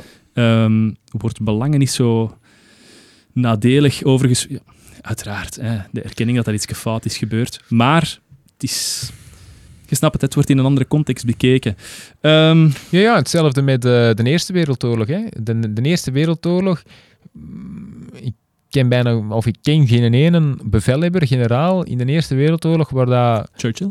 eh, ja, ja, wel, maar daar op, in, zelfs in die context, hè, in Gallipoli, eh, wordt hij toch heel negatief Ah, wel, eh, dat is dat wat ik eh, bedoel. ja. bejegend. Ja, eh, ah, wel, ja, en dus hè, de butchers van de Eerste Wereldoorlog, ja, inderdaad, dat heb je tegen Napoleon, eh, dat heb je daar. Hoeveel man is er onder Churchill gestorven in de Eerste Wereldoorlog? Eh, geen idee, geen idee. Ja. Veel. Maar ja, ja, dat gaat dan vooral Gallipoli zijn, hè, want die was toch van de marine, denk Geen ik. idee. minister. Zeg maar iets, jong. Hey. Ja, premier was hij toen niet, hè, maar... Dat is echt zo de slimste mens. Ik moet gewoon af en toe wat kernwoordjes zeggen. En af en toe blijven die plakken en af en toe niet meer. Ehm, er wordt af en toe... Er wordt af en toe gezegd, het is een kind van zijn tijd. Hè? We bekijken vaak historische figuren in hun tijdscontext. Ja, Nu, bij de woke-beweging lijkt dat laatste af en toe, die nuance af en toe weg te vallen. Hè? Je Ja. moet niet altijd kijken of het een kind van zijn tijd was. Sommige dingen zijn gewoon fout. Wat vind jij daarvan als je kijkt naar historische figuren? ja dan wordt inderdaad interessant. Hè. Ik denk... ehm, als je een balans gaat opmaken van die mensen... Je kunt niet anders dan ze in hun tijd... Dat vind ik gewoon belachelijk, om, om een balans op te maken van normen eh, die vandaag gelden. Ik denk dan altijd... Ik vraag me dan altijd af... Is Obama een slechte mens? Of is moeder Teresa een slechte mens? Of, of noem nog eens iemand die populair is eh, in, in, bij linkse, bij linkse eh, middens, een Biden of zo, is dat een slechte mens? Vermoedelijk gaan we zeggen van nee. Maar ik, ik, weet het niet zeker, maar ik, ik kan mij voorstellen dat dat ehm, geen vegetariërs zijn, dat dat vleeseters zijn, dat die niet eh 10% van hun loon of weggeven, 20% van hun loon weggeven. Alleen dat die meer dan genoeg hebben, meer dan genoeg geld hebben. Ik kan mij perfect voorstellen dat binnen 100 jaar, 200 jaar men gaat denken van, what the fuck. Want je wist, en, en dat is zo, hè, wij weten nu wat we, hoe langer hoe meer weten wij wat wij dieren aandoen, ook gewoon qua, qua uh, zuivel, zuivelproductie en, en, uh, koeien altijd maar zwanger maken en dan het kind weg, allee, of het veulen wegtrekken, dat dat ook hormonaal, allee, of dat dat echt mentaal ook een impact heeft, begint hoe langer hoe meer duidelijk te worden, vissen, et cetera. Dus, maar wij negeren dat. Uh, ah, wel, dus wij negeren dat betekent dat, dat Obama en cetera, dat dat slechte mensen zijn. Nee, dat is denk ik gewoon de mens. En um, het is, uh, ik denk dat we gewoon moeten beseffen dat, dat mensen complexe figuren zijn, dat dat een tanker is die een heel traag, traag kantelt. Uh, en dat dus daarom dat je naar, naar normen en waarden toe, uh, dat je niet iemand mag afrekenen op, op ehm, waarden uit de toekomst. Allee, of ehm, dat je een figuur uit het verleden niet kunt afrekenen op waarden uit de toekomst. Dat je iemand, zijn wij nu allemaal slechte mensen omdat wij geen vegetariër zijn? je kunt de, de, de, casus maken van wel, hè. Uh, mag voor mij zeer, uh, zeer zeker. Maar ik, wij, ja, ik geloof dat niet. Um, maar dus ik, ik denk, allez, op, het, op dezelfde manier, nee, ik denk niet dat je Napoleon kunt afrekenen uh, met de standaarden van, uh, ik vind van dat vandaag. Je, ik vind dat je een sterk punt hebt. Je hebt goede voorbeelden voor uh, aangebracht. Maar het zou eenzijdig zijn mocht ik geen, ja, ja. geen advocaat van de duivel ja. zijn. Hè? Um, je vergelijkt hier nu het, het, het niet eten van vlees mm -hmm. met het... Um, de dood injagen van honderdduizenden soldaten. Gaat die vergelijking op? Uh, ja, oké, okay, dus wat, wat, is de dood injagen? Hè? Dan, dan, die, die vraag kun je ook stellen. De dood injagen? Uh, ja, maar oké, okay, dus hè, wie is de oorlog begonnen? Uh, de, is dat de eeuwige... Nee, nee, nee, dat denk ik niet, dat denk ik niet. Maar ik, ik kan een, de bal terug, terugslaan, hè, is... is ehm, het, het, het, het, doden van, van uh, zoveel dieren, is dat dan uh, minder erg dan het doden van zoveel mensen? Waarschijnlijk zeggen we dan... Ik vind dat je vo volledig gelijk hebt, dat wij nu in 2020 dieren um, fokken met als enige doel, ja, ja. enige doel om die te doden. Dat, dat denk ik echt dat wij binnen 100 jaar gaan terugdenken en denken, ja, we waren de bezig. Ah, ja, voilà. ik, denk dat, uh, ik denk dat ook. Natuurlijk, een andere vraag is dan...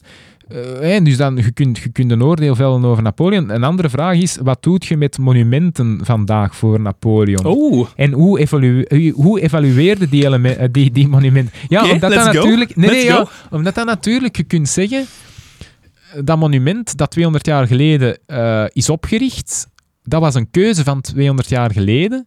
Maar het feit dat je dat nu nog altijd in de publieke ruimte laat staan, dat is wel een keuze van vandaag. Je kunt perfecte keuze maken om dat monument weg te nemen.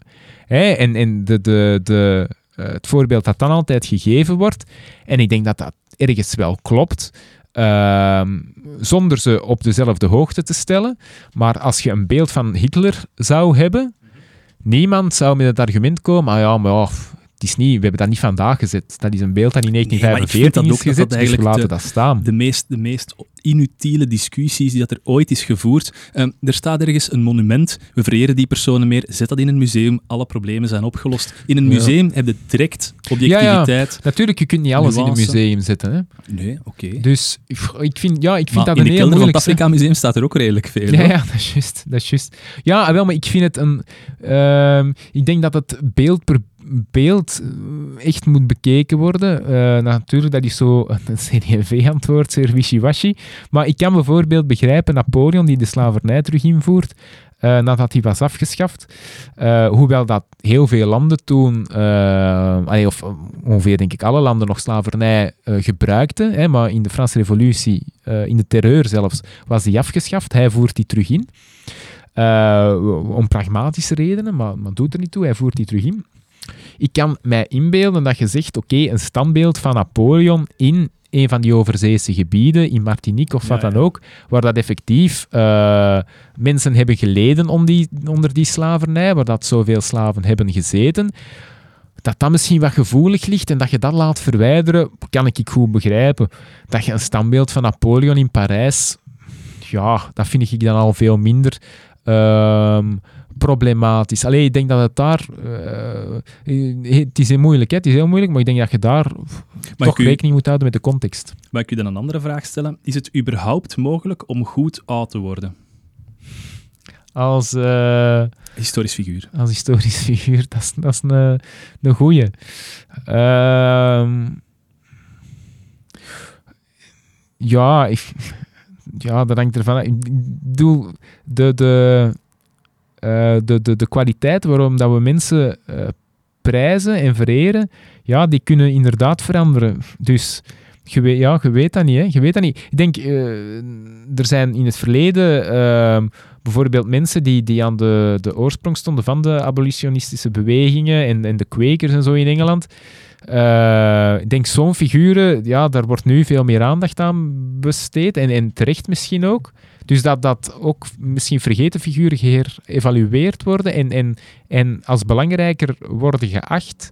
Eh, maar nee, ik denk ja, dat dat een constant, eh, constante wisseling wel, wel is. Ja, is, is het mogelijk om goed oud te worden? Ehm, ja, het wisselt, hè. Het wisselt. Dus ja, je kunt, je kunt niet weten wat de normen binnen, binnen de normen en waarden binnen 200 jaar zijn. Dus het zou goed kunnen. Het zou goed kunnen, maar ik denk dat niets, niets een certitude is. Ja. Nee. nee. Dan heb ik nog een laatste vraag. Ja? Wat zou de vraag zijn die jij mocht stellen aan Adam Zamoyski? Eh, ja, over Napoleon. over Misschien niet Napoleon. over, niet over zichzelf. Ehm.